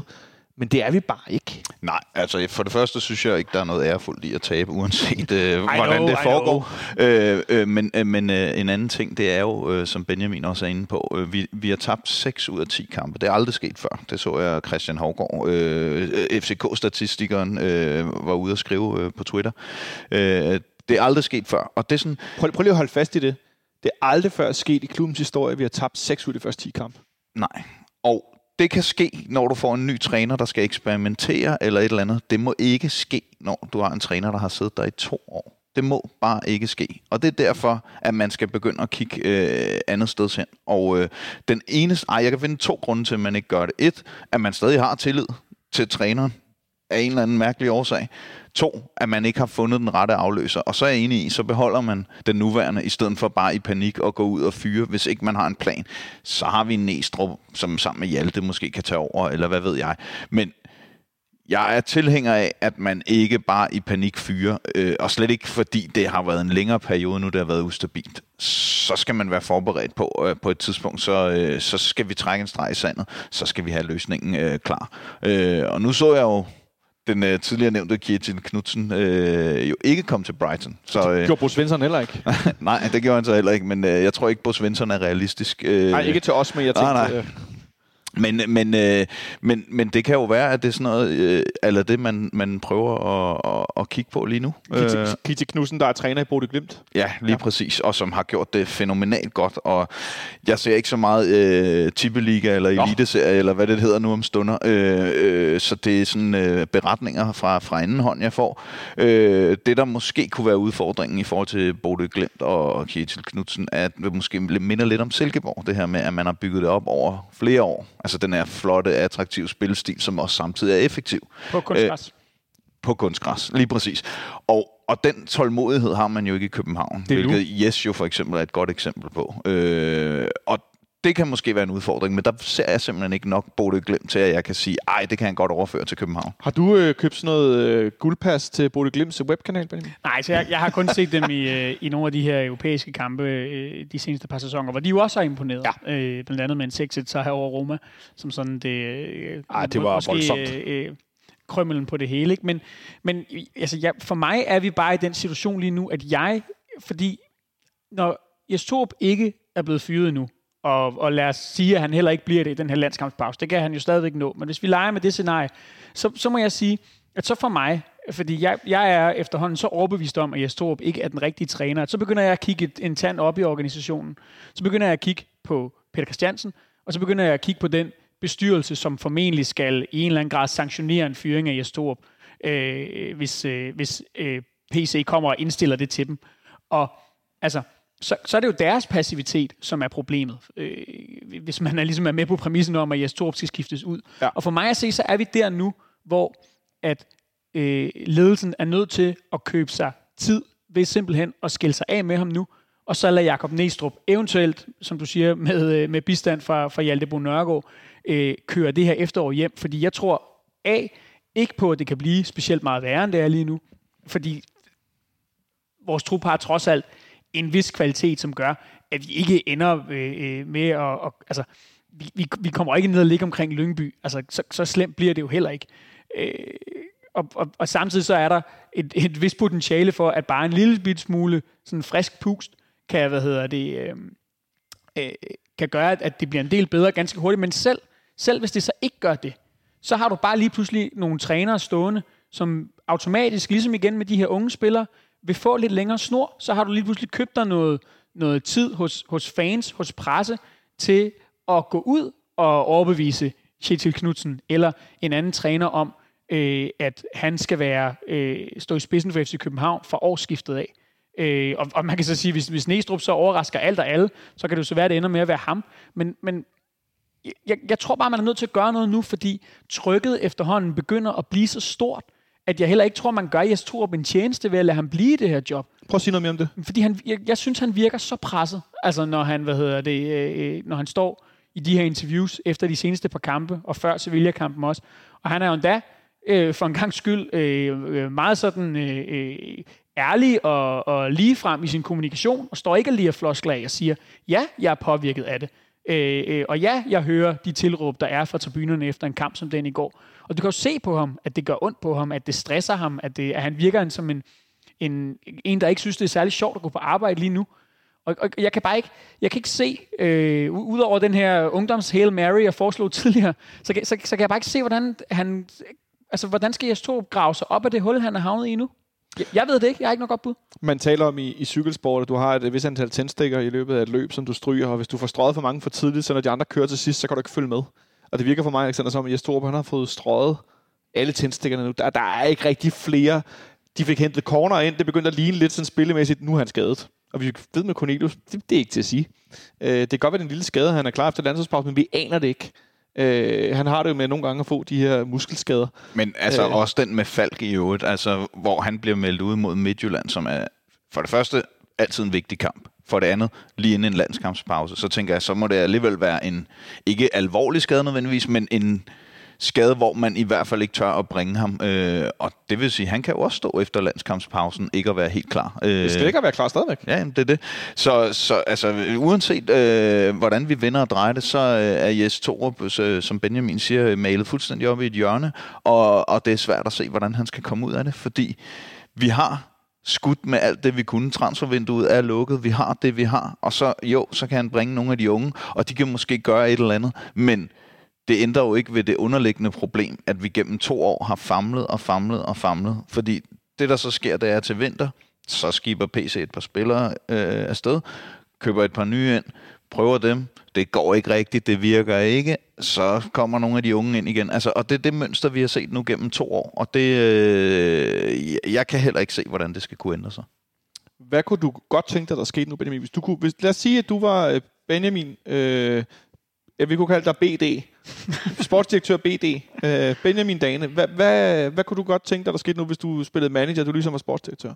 Oh, øh, Altså inden for realismens grænser, du kan jo ikke hente Me- Messi og, øh, hvad hedder det, Mbappé ind jo. Nej, jeg, jeg øhm, altså for det første vil jeg jo fyre Jes. Det tror jeg jo ligesom, jeg har fået gjort klart. Det er vi ligesom med på. I, i det, jeg sagde lige før. Og, øhm, og, og, og måske vil jeg i virkeligheden nok i første omgang give tøjlerne til, til Jakob Næstrup efteråret ud. Mm. Og, øhm, og så vil jeg selvfølgelig gå i gang med øh, en, en grundig research i forhold til at finde ud af, hvem der skulle være den næste træner. Og øh, jeg har ikke nogen øh, Øh, sådan helt vildt geniale øh, bud øh, lige at hive op af, af hatten her.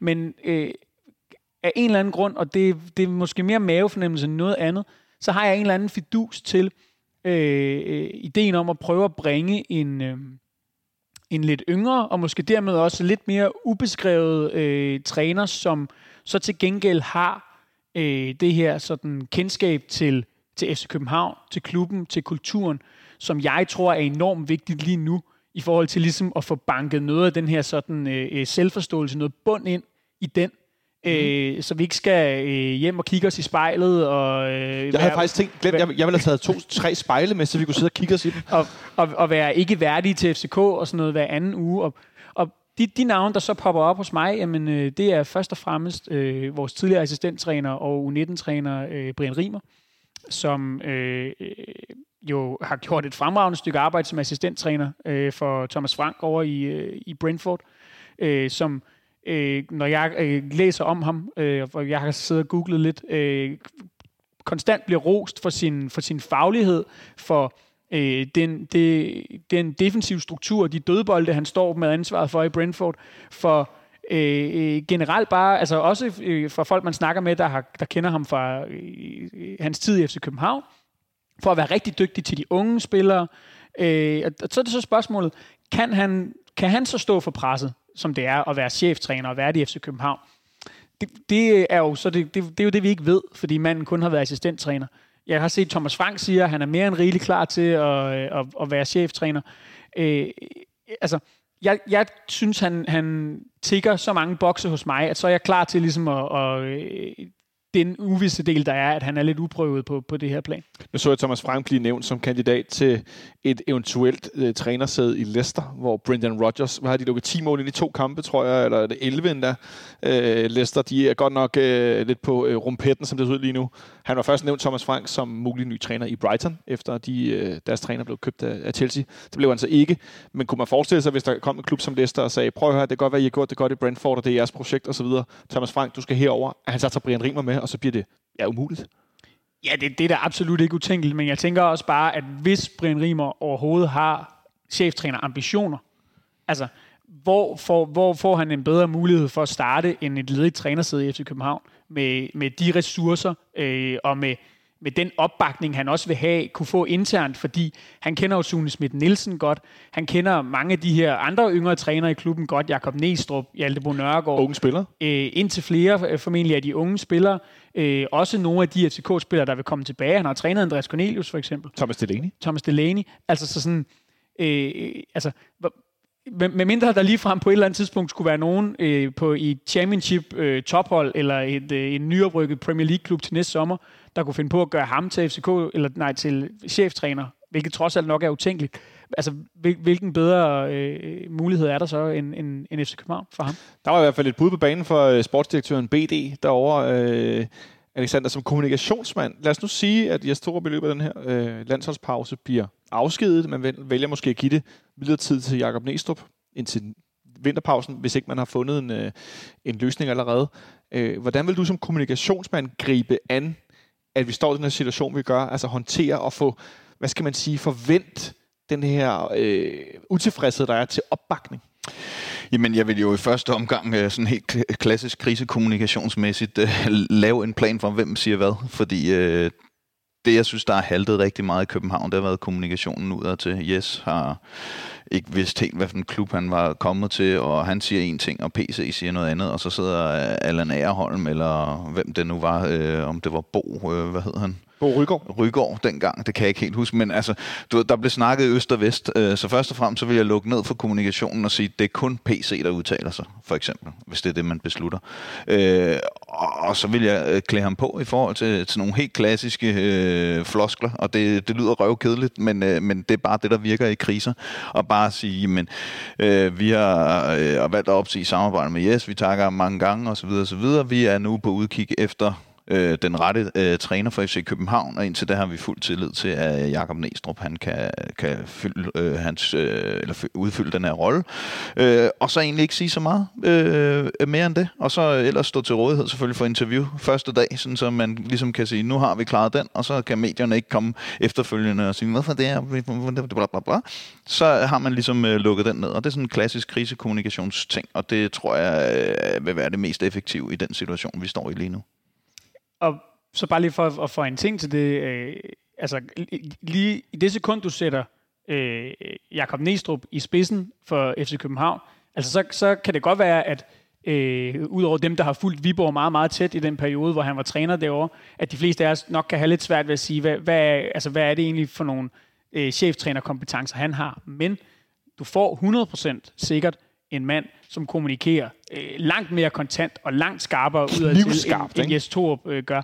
Og, og alene det vil du jo kunne vinde en hel masse på udad til, fordi du vil få taget noget, noget, igen det her med at tage noget tryk af, altså både i forhold til pressen, men også i forhold til fansene, øh, fordi det, det, det avler jo pres og dårlig stemning, det her med, at vi udover at, at det går dårligt, også øh, Øh, konstant skal, skal høre på en, en, en vævende cheftræner før og efter kampe, og dårlige undskyldninger, og, og, og noget, som, som vi som fanbase heller ikke kan genkende os selv i. Altså. Jo, jo, og der er jo også øh, energien øh, under kampene. Altså, øh, man behøver ikke gå Peter Hyberler. Altså, man kan godt uh, finde sådan en uh, blanding af, lad os sige, Ståle og Jes Torup eller sådan noget. Og der passer Jakob Næstrup måske meget godt ind i, fordi han, han virker sådan forholdsvis rundt, men han kan fandme også stå og råbe og dirigere osv. Og, så videre, og der, er Thor måske også lidt for passiv, øh, når det ikke går godt. Det her med bare at læne sig tilbage og sidde og kigge. Og som han selv siger, jamen, han giver jo øh, spillerne nogle værktøjer i løbet af træningsugen, og så er det deres øh, opgave at tage de rigtige værktøjer op af værktøjskassen på banen, og alle de her floskler.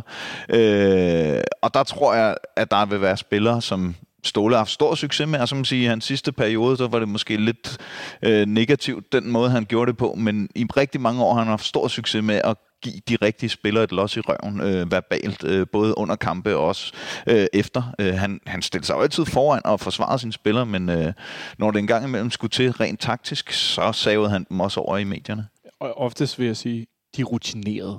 Det var ja, den, ja. der havde brede skuldre. Ikke? Jamen, og, og, og det der kan jo hurtigt, det kan hurtigt komme til at lyde en lille øh, bitte smule primitivt, men hvis, men hvis vi taler om det, der foregår under kampene på sidelinjen, altså hvis du, hvis du tager et kig over til Premier League, og nogle af topholdene derovre, hvis du tager øh, Pep Guardiola, hvis du tager Jürgen Klopp, hvis du tager Mikel Arteta, som jeg ser rigtig meget, øh, fordi jeg holder med Arsenal. Det er dejligt, altså, de slog Brentford i weekend. Det kan jeg godt prøv, prøv at se, hvor aktive de her trænere, de bedste i verden, nogle af dem, er på sidelinjen i løbet af en kamp. Mm. Altså, øh, det, det er jo, altså, Pep Guardiola kan jo nærmest nå at løbe hele vejen altså ud af sit tekniske felt nogle gange. Ikke? Selv en af de mest rolige overhovedet og, øh, nede i Madrid, Carlo Ancelotti, Mr. Øjenbryn, han står også derude. Jo, og, og, og de dirigerer, de selv som de har nogle af de bedste spillere i verden, så står de jo stadigvæk og dirigerer nogle af de mest simple ting overhovedet, som for eksempel, nu skal bagkæden pumpe, eller nu skal presset sus herover, Nu skal det over til et indkast. Vej, og, ja, ja. ja, ja altså, og så det så vi jo med Capella så sent som i går. Han stod også hele tiden og frem og tilbage og pegede og men, så videre. Men jeg bliver nødt til at indskyde noget interessant, og det er ikke bare for sådan en ævbæv, du siger noget, og så men jeg stod op, der er presset for sagt forleden, at jeg spiller jo ikke Playstation, altså med andre ord, han står ikke ude på sidelinjen. Så ser jeg over for ned og se mod Sevilla i sidste uge, han står ude på sidelinjen i 70-80 minutter af kampen og tænker, Altså, det, han får lukket sig selv i nogle fælder, hvor jeg, hvor jeg ikke får, altså, jeg undrer mig, at han kunne bare sige, det gør jeg nogle gange. Det, altså, det gør jeg jo. Kig på mig. Jeg står derude nogle gange. Jeg står bare ikke derude hele tiden.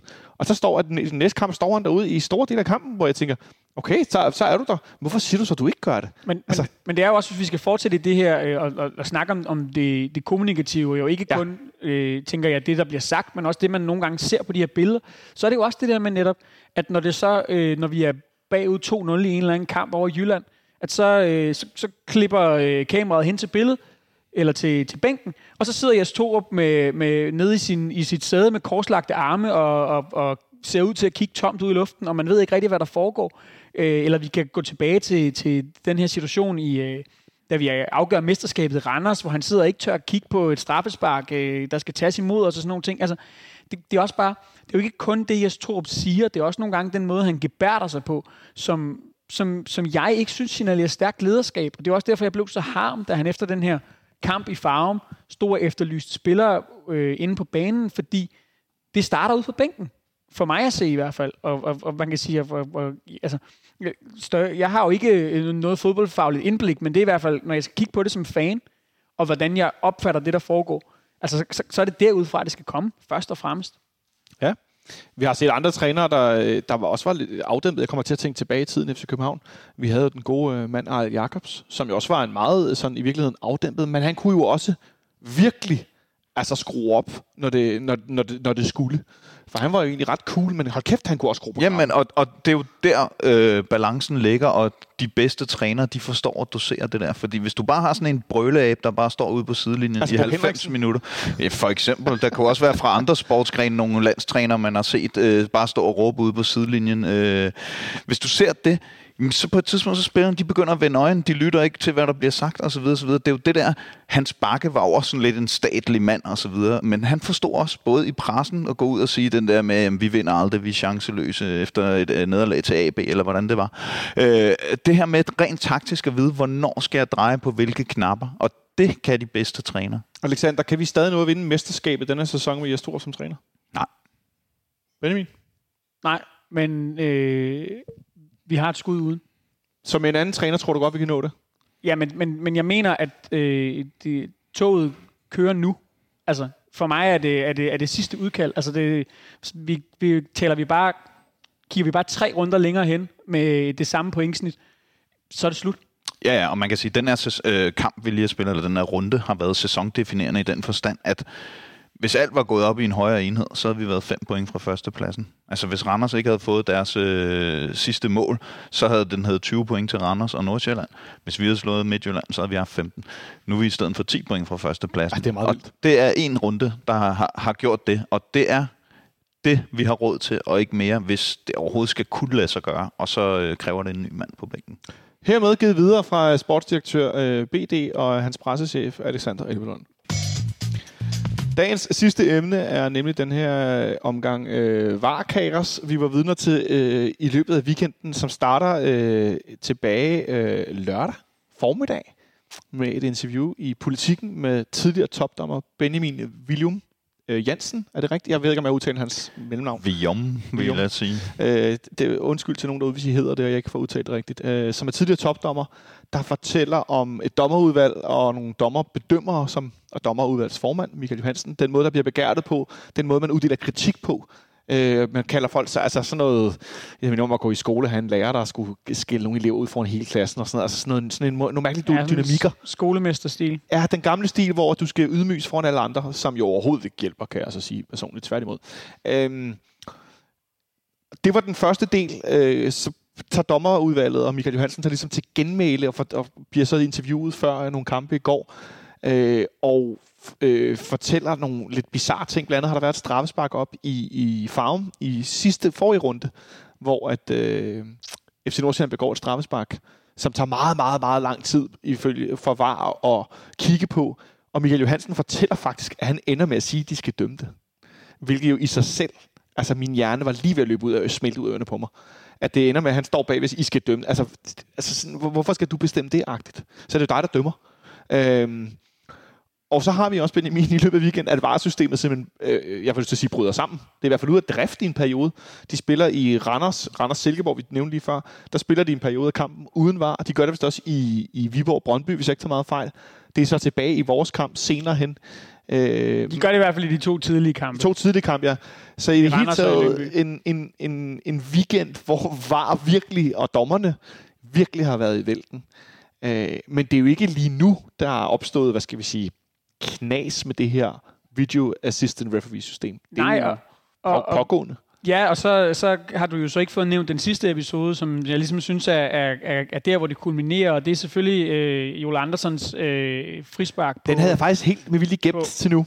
på, øh, på Darami, øh, hvor at øh, vi har ligesom, der har ligesom været alle de her sager, du ved, varnedbrud, der har været øh, det her med, med, øh, med, med dommerformanden eller dommerchefen, og, og, og, og så, så øh, laver Joel Andersen det her morforsøg på Darami, og, og, og for mig, der, sådan, der, så, så kulminerer det hele med, at Claus Bo Larsen står i onsite studie efter kampen i går, Hvad, er- hvad er hans rolle nu, tidligere topdommer? Øh, han er, øh, tror jeg, dommer og observatør, ikke? Var observatør. Ja, Var observatør.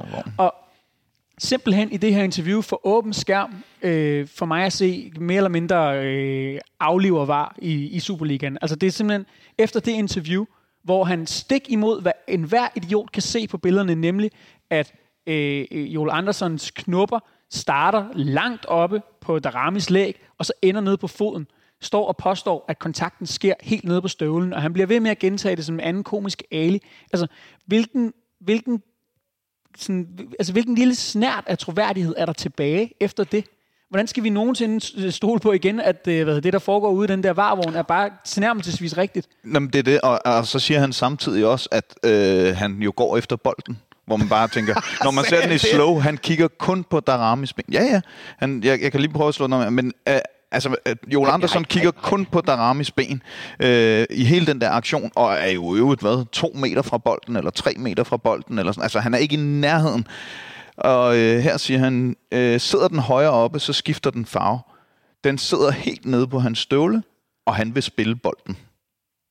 Det er det, han siger ordret. Det er jo nærmest beruset. Jamen, og prøv at høre, den, den slow, som, som alle selv kan gå ind og finde inde på Twitter, øh, fordi Det er den det på øh, TV3 Sport.dk, eller hvad den, fanden? den er over det hele. Altså, du skal kigge på den en gang, så kan du se, at kontakten starter op på læggen. Så, ja. så der er to muligheder her. Enten så er Claus Bo Larsen blind, eller også så lyver Claus Bo Larsen for åben skærm. Og jeg ved faktisk ikke, hvad der er værst. Nej, for begge dele øh, afliver var, som du siger. Ikke? Mere eller mindre, Så ja. det er jo i hvert fald spillet for lidt efter i går. Jeg forstår, at det, der undrer mig mest, var, at det ligner en situation fra et derby herinde øh, sidste år, hvor øh, Jesper Lindstrøm jo får et øh, kæmpe rødt kort. Efter en situation er det med Nikolaj Bøjle. Nej, Rasmus Falk, hvor han også kommer ind fra siden og takler op på læggen, og hvor at støvlen også kører ned og ender på foden, hvor han trækker sokken med endda, hvor der også bare var sådan helt... Altså, det er så ikke ude ved sidelinjen, og han er ikke på vej udenom ham på samme måde, men han er også på vej... Øh, sådan, Falk er på vej øh, frem i banen, og Lindstrøm kommer ind fra siden. Øh, mindre fart godt nok øh, har faldt på, en øh, drama har i går. Men det er meget simulært. Det mindede, jeg straks så det, tænker jeg på den der episode, hvor der selvfølgelig også bliver givet et, klart rødt kort. Øh, der, der, der, snakker de også lige kort, og lige skal lige se, hvor skadet er Falk. Okay, det er okay. Rødt kort, raus. Ud med dig. Og jeg stod og så tænkte i går, ja, de snakker lige, skal lige kigge dig ramme, er du okay? Er det, du skal lige have is på, eller spray, eller et eller andet, og så, øh, okay, øh, øh, han får en masse i ørerne, på dem rødt kort. Men som øh, øh, Benjamin Lander, som er tidligere dommer, og Ken Hansen skrev om på Twitter i går, øh, også tidligere dommer, han får input, for det er derfor, han venter, Michael, øh, Mads Kristoffer Kristoffersen. Der kommer en linjevogter, der kommer noget var, der kommer alle mulige ind, de snakker i hans øre. Vi har nogle gange set de her klip, og vi kan høre, og så siger de højre og venstre, og nogen siger op og ned, nej, hold, og der, og et eller andet, og hvad ser du, og de byder ind. Så det er jo ikke ham alene. Så som du siger, Benjamin, en ting er Claus Bo Larsen, som afliver var. Altså dømmer var offside, haha. Øh, men noget andet er også, at den her kampsituation, det er en hel gruppe af mennesker, der mener, det er gult kort. Jamen, han sidder Hvordan derude. kan man det? Han sidder jo derude, Jakob Kælet, øh, fordi det er ham, der har ansvar, øh, der har ansvar for det. Øh, og vist nok sammen med Sandy Putros, tror jeg, øh, for, ikke at gøre Dream, for at gøre Dream Teamet helt komplet. Jeg tror, han var han ikke fjerdommer. og han var vist fjerde dommer så. Nå, men det er i hvert fald øh, Ej, Jakob jeg får Kælet, migræne, mand. der har ansvaret i, øh, i, i varvognen, og, og åbenbart med assistance fra, øh, fra Claus Bo Larsen. Øh, og, og, jamen, en ting er, at Mads Kristoffer Kristoffersen kan miste den Det i kan løbet ske. af kampen. Det kan ske. Det er en, det er en kontrasituation. Det går hurtigt. Øh, det kan være svært at se, hvor at den kontakt den lige præcis er, og hvor, og hvor voldsom den er. Og i hvor høj grad der måske er en, er en, en, en spiller på det modsatte hold, der, der øh, øh ruller en ekstra gang og sådan nogle ting. Men at, at, at de ikke i den der varvogn kan komme frem til øh, et af de mest klokkeklare røde kort, øh, jeg har set i den her sæson. Altså, så, så ved jeg ikke, hvad vi skal bruge det til længere. Og det er jo det, der bliver deres problem nu, fordi hvor, altså, hvordan vil de genopbygge den troværdighed, som øh, Claus Bo Larsen tog og hældte det sidste ud af i, i lokummet i går? Og inden nogen, øh, der får lyttet til det her, så tænker, nej, I tabte, og nu sidder I tud over dommer. Nej, det er slet ikke det, det handler om. Fordi hvis det havde været øh, vores højreback i går, havde det været Kevin Dix på Gustav Isaksen, så havde jeg haft det på nøjagtig samme måde. Det er et kæmpe, kæmpe rødt kort. Og det er, altså det bringer spillet ikke i miskredit, men det bringer spillet ud af balance, hvis vi er så langt fra, at vi kan stole på, at dommerne med det her milliondyre varesystem faktisk dømmer bare til nærmest rigtigt. Og, og- altså, og for at gøre det værre for Claus Bo Larsen, så er det jo ikke bare øh, tidligere dommer, der går ud og siger, at det er verdens største røde kort, eller tidligere eksperter. Altså Joel Andersson går selv efterfølgende ud og siger, at han føler sig heldig, at han ikke får rødt kort, og han i øvrigt kun var ude efter at stoppe spillet, øh, og ikke at skade manden. Altså, så han modsiger de to ting, som Claus Bo Larsen siger, altså den såkaldte gerningsmand. Øh, og, og det giver nul mening, at øh, vi har en øh, mand, øh, og, og det der så øh, gør, at det, det alligevel sker, at hele den her dommergruppe, som du er inde på, ikke reagerer, når Claus Bo Larsen siger et eller andet, når de er så mange. Så er vi jo tilbage til den der snak, der går om, at den her dommergruppe er intimiderende, og dommerne tør ikke at sige fra, fordi så mister de deres øh, Superliga-status, eller FIFA-status, eller hvad, hvad det nu er. Og, og det er jo det, der i bund og grund øh, handler om, fordi Michael Johansen, som er dommerformand, og Claus Bo Larsen, det er i hvert fald Michael Johansens egne ord. Så det er de to, der ligesom har startet hele det her VAR-projekt sammen, og været øh, sammen ledere af det. Og det vil jo sige, at Claus Bo Larsen er jo næsten lige så meget chef, som Michael Johansen er.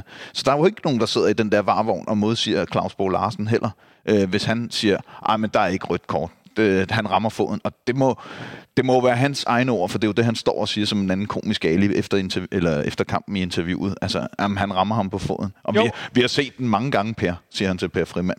Og jeg er sådan lidt, ah, så mange gange kan I jo heller ikke have noget at se den, inden uh, spillet ligesom blev genoptaget. Altså, I kan have noget at se den to, tre, fire gange. Det er jo ikke sådan, at I har siddet og set den 30 gange fra 40 forskellige vinkler. Jo, og det er jo en anden pointe ved den her fuldstændig smadrede troværdighed ved VAR. Det er jo, at øh, det, det kommer også til at se endnu dummere ud, fordi at Michael Johansen øh, tidligere samme dag eller, eller i lørdags jo har fuldstændig øh, øh, smadret den kommandovej, som man troede, der var i VAR. Altså at det er den dommer, der rent faktisk sidder og har ansvar for det, øh, som øh, enten kalder eller indstiller til hoveddommeren, øh, som jo i, er i den, der i sidste ende skal bestemme, øh, hvad det er, der skal dømmes, eller hvad det er, der skal kigges igennem. Men nu står der også en observatør derude, som øh, øh, sådan formelt set ikke har noget ansvar for afviklingen af kampen, øh, men som, som bare skal, skal holde øje med, øh, hvad hedder det, øh, øh, ligesom hvordan der bliver dømt og vurdere det, men som så også er dommernes chef. Altså, øh, altså, altså, der, der er noget, der er noget sammenblænding. Hvordan kan vi så stole på, hvem der bestemmer hvad, og at uh, de, de retningslinjer, man ligesom selv har lagt åbent ud, og som en alle kan gå ind og læse inde på, på Superliga.dk, at de rent faktisk bliver fuldt. Altså, det, det, det stoler jeg da ikke på længere. Nej, nej, og Michael Johansen, han siger jo i et interview i går, at øh, det er meget normalt, at observatøren øh, hjælper sit team, fordi vi er jo et team alle sammen. Og når jeg sidder i varevognen, så er jeg ikke chef, så er jeg observatør, så vi er alle sammen et team. Ikke? Og det er jo bare sådan, når alle, der nogensinde har været på et arbejdsmarked og haft en chef, ved jo godt, at det findes ikke det der med, at vi er alle sammen et team, fordi der er en, der i sidste ende bestemmer, hvem der skal være her, og hvem der ikke skal være her som øh, Benjamin Anders skrev her i går aftes. Øh, Michael Johansen indrømmer simpelthen, at han dikterer straffesparket i FCN FCM. Hvordan, hvordan i alverdens riger og lande kan man som vardommer arbejde med sin chefs hyblik hvilende over sig på den måde? Og jeg vil godt spørge, hvor mange andre forbund, som har den praksis, mit svar er nul. Altså, det, det, tænk, Benjamin, altså, det er jo den ultimative micromanagement, man overhovedet kan komme i nærheden af. Ja, og, altså, og det er altså, fint at have en observatør, men det skal bare ikke være øh, Michael Johansen eller Claus Bo Larsen, som til synligheden er de to, der ligesom er chefer for hele det her var-cirkus. Eller også så skal de være det, der ligger i, i det udtryk. De skal observere, at dermed ikke blande sig og slet ikke tage beslutninger. Nej, Hvor, men, øh, men, men det er jo rigtigt nok, som, som Alexander er inde på, at lige så snart, lige så snart at chefen er i rummet, Altså, så, så, så, er det jo, så er det jo et problem. Så ændrer dynamikken så? Fordi det kan også være, at han ikke siger noget. Det kan også være, at du bare kigger på ham, og hvad hedder det, synes, at han øh, hvad hedder det, øh, vender øjnene af dig, eller eller andet. Der, der er jo, altså, det er ham, der kan bestemme, om du skal blive ved med at sidde i den her varvogn eller ej. Så derfor skal han selvfølgelig ikke stå og kigge dig over skulderen, uanset om han siger noget eller ej, mens du arbejder. Det vil jo ikke, det vil jo ikke gå på nogen som helst arbejdsplads hvis chefen stod øh, hvad hedder det, bag din skærm, der hvor du arbejder, og kiggede over dine skuldre, mens du, mens du arbejdede, så vil du jo ikke have lyst til at blive der ret meget længere. Og man kan sige, det som de jo øh, øh, uvildigt får gjort her, det er jo, at de får jo en, øh, bekræftet øh, Benjamin Jansens øh, ja. øh, øh, udsagn for politikken, øh, om, om den her fuldstændig usunde kultur, der åbenbart hersker i det danske dommersystem. Det, det får de jo bekræftet ved at fortælle de her historier, fordi der, er jo ikke nogen, der findes ikke nogen sund arbejdsplads, hvor at cheferne opfører sig på den der måde. Nej, og den nul, nulfejlskultur, som bliver kritiseret så hårdt, det er jo lige præcis det der, Claus Bo Larsen han går ud og siger, der jo understreger, okay, vi må ikke begå fejl, når man kan stå som en anden komisk ali og, og stå og sige, ah, men han rammer ham på foden, og han prøver i øvrigt at spille bolden. Når enhver idiot kan sidde og kigge præcis som Benjamin siger, han rammer ham på lægen, kører foden hele vejen ned, rammer ham på foden, og han har jo et kun blik for hans ben i hele aktionen må jeg ikke indskyde øh, noget af det, der er mest overraskende for mig, eller sådan mærkeligt. Det er Claus Bo Larsen, en af Danmarks bedste dommer gennem de sidste, hvad, 30 år? en af de tre-fire bedste, vi har haft igennem en, en lang periode. I hvert fald en af dem, der har været højst rangeret. Ikke? Så Ja, lad, os, altså- lad os bedømme det på det. Øh, men jeg, jeg synes også, at oftest, når han dømte, i hvert fald indtil til allersidst, der synes jeg, det var, det var oftest ret godt. Det var sjældent, der var sådan nogle kæmpe blunder. Øh, og spillerne var øvrigt også meget glade for ham. Han havde en god måde at dømme på. Men at Michael Johansen er dommerudvalgsformand, det kan jeg simpelthen ikke få til at hænge sammen. Jeg ved godt, at nogle gange, når du har været fodboldspiller, måske på et lavt niveau, eller slet ikke været det, kan du godt blive træner og være dygtig. Øh, men at skulle give noget videre. Altså, jeg er lidt mere tryg ved det Pierluigi, øh, Pierluigi Colina, som for eksempel er øh, dommerformand for den store dommerforening, altså internationalt. Det kan jeg lidt bedre arbejde med. Jeg sad i, i FIFA-udvalg og sådan noget i forhold til regelændringer og sådan noget, men at manden, som ikke kunne se, at muren herinde ikke var mere end 5,43 væk, det kan nogle af jer sikkert godt huske, der er det her flotte billede, hvor at muren kun var 5 meter og 43 væk, og det var nede for en del øh, B-tribunen, og jeg kan tydeligt huske, at vi stod og råbte og skreg, at han bindegal. Mm. Og så, hvor han efter kampen udtaler, at Jeg han tog også... lidt øh, stedig, eller hvad det var, så han siger han, jeg beklager min klokkeklare fejl, jeg blev stedig. Og, og, og jeg, jeg kan bare ikke lade være med at kæde den her øh, form for erkendelse af fejl eller øh, selvrensagelse sammen med den måde, han nu agerer dommerformand sammen med observatør Claus Bro Larsen i det her dommerudvalg. Fordi det er den her med, at, at det, det bliver så firkantet og, og afsted af en vej, og så kan man ikke lave det om, at der er ikke nogen vilje til at øh, gå ind i al mulig ændring. Altså Benjamin, helt kort her til sidst, inden vi lukker ned. Hvor skal, vi, hvor skal, hvor skal, altså, skal der en masse flere penge til, så vi kan uddanne nogle mennesker noget bedre, eller hvad fanden skal vi gøre? Øh, jamen altså, måske skal der i virkeligheden bare skiftes ud, øh, hvad hedder det, i, øh, i, i toppen af det her dommerudvalg. Altså, øh, det, måske har dem, der, der sidder med ansvaret for det nu, øh, i, i hvert fald, det, som jeg ser det udefra, spillet for lidt. Øh, Øh, og, og så må de give stafetten videre til nogle andre. Fordi så kan vi godt begynde at gå ind i en længere diskussion omkring det her med fuldtidsprofessionelle dommer og sådan nogle ting. Men jeg kan sgu da godt forstå, hvis, øh, hvad hedder det, øh, hvis, hvis klubberne, og det tror jeg også Ken Hansen skrev på Twitter, ikke er ret meget for at kaste mange flere penge efter det, det her projekt, når man kan se, hvordan at dem, der står i spidsen for at skulle forvalte ansvaret, og dermed også skulle forvalte pengene, de, de håndterer det. Altså, jeg, jeg tror, der skal en udskiftning til. Fordi som, som jeg startede med at sige, så, øh, så har, har VAR i, i, i Superligaen for mig spillet endegyldigt for lidt. Øh, og, og, jeg ved ikke, hvordan de ellers skal komme videre herfra med, med den ledelse, der er der nu. Altså, jeg synes jo, øh, at VAR øh, i det hele taget ligner, at det i hvert fald i Danmark øh, kunne være på vej ud. Og så kan man sige, det kommer det måske ikke så længe UEFA og FIFA holder fast i det, men grunden til, at vi øh, valgte at få VAR i sin tid, det var jo frivilligt, øh, om man ville have det i de nationale ligaer. Det var jo, at man synes, der blev snakket for meget om dommerne og fejl og, og Ja, så er videre, så videre. Og, og jeg må bare indrømme, jeg kan ikke se, at der bliver snakket mindre om dommer og om dommerfejl og alt muligt andet med VAR. Til gengæld har det fjernet den der spontane glæde ved scoring og så videre, så videre. Og så er spørgsmålet, er det det værd så? Altså både økonomisk at skulle opretholde sådan et system, som i bund og grund ikke giver flere øh, retfærdige domme, eller hvad man skal, skal sige. Eller der bliver i hvert fald diskuteret, hvor retfærdigt det er, når vi ser sådan Hans øh, var øh, med Nordsjælland, eller vi ser den her øh, takling på, øh, på Darami osv. osv. Hvor, hvorfor skal vi så blive ved med at pumpe penge i det her system? Og der er den eneste argument, jeg lige nu kan se for, at vi skal gøre det, det er, at FIFA og UEFA øh, stadig ønsker var. Og øh, så skal vi jo spille med det i de europæiske turneringer. Vores spillere skal være forberedt på at kunne spille under det, når de spiller landskampe osv. osv. Men jeg kan ikke finde et eneste fornuftigt argument for, at vi skulle fastholde det i Danmark derudover. Nej, der skal i hvert fald ske et eller andet, for det er noget, nu er det noget altså komisk øh, grad. Øh, og uden at det skal være en stor reklame for politikken, så vil jeg øh, love, at jeg i vores øh, tråd på Twitter, efter den her udsendelse, hvor vi reklamerer for den her udsendelse, øh, der deler jeg et øh, link til artiklen, som man kan klikke på. Så kræver det kun, at du har en gratis bruger derinde, så kan du læse hele. Det er en ret lang, øh, et ret langt interview. For ellers så kræver det, at man er abonnent, og det er jeg. Så den skal jeg nok dele, sådan, så man faktisk kan få lov at læse det. Øh, fordi det er interessant, når vi snakker om var og dommer og Superliga. Hvis man går op i fodbold, det synes jeg, til dem, der ikke er abonnenter, så vil jeg gerne dele det, sådan, så I kan få lov at læse det. Fordi det er tankevækkende, og jeg fik sgu lidt ondt i maven, da jeg læste det, det må jeg indrømme. Øh, jeg tror, vi nåede rundt om det hele for i dag, Benjamin. Er der noget, vi har glemt i posen før en øh, tiltrængt landskampspause, hvor Danmark jo skal spille mod Frankrig og Kroatien. Kroatien øh, i første omgang, og så Frankrig herinde i parken på søndag. Jeg synes, jeg så nogle franske tv-folk faktisk rundt herude øh, bag øh, Aterbyen tidligere i dag. Det, de er i god tid. Er der noget mere, vi skal have med til folk derude? Ja, jeg tror, jeg har fået øh, lettet hjertet, så at sige. Øh, det, øh, jeg håber, at, øh, når jeg sidder her næste gang, at det er med en øh, ny cheftræner for FC København. Jeg har fået sagt, Alexander, at jeg tror, når FC København møder Sevilla på udebane i Champions League, så tror jeg, det bliver med to nye cheftrænere på bænken. Fordi Sevilla, de øh, slinger også derude med Julen øh, Lobiteki som øh, cheftræner. Tror du, jeg får ret i det? Det kunne du sagtens få, og øh, jeg skal jo til Sevilla, så det kunne sikkert være en sjov oplevelse, med mindre jeg løber ind i nogle øh, Brøndby-fans dernede. Nede på den, på den spanske solkyst. ja, lige præcis.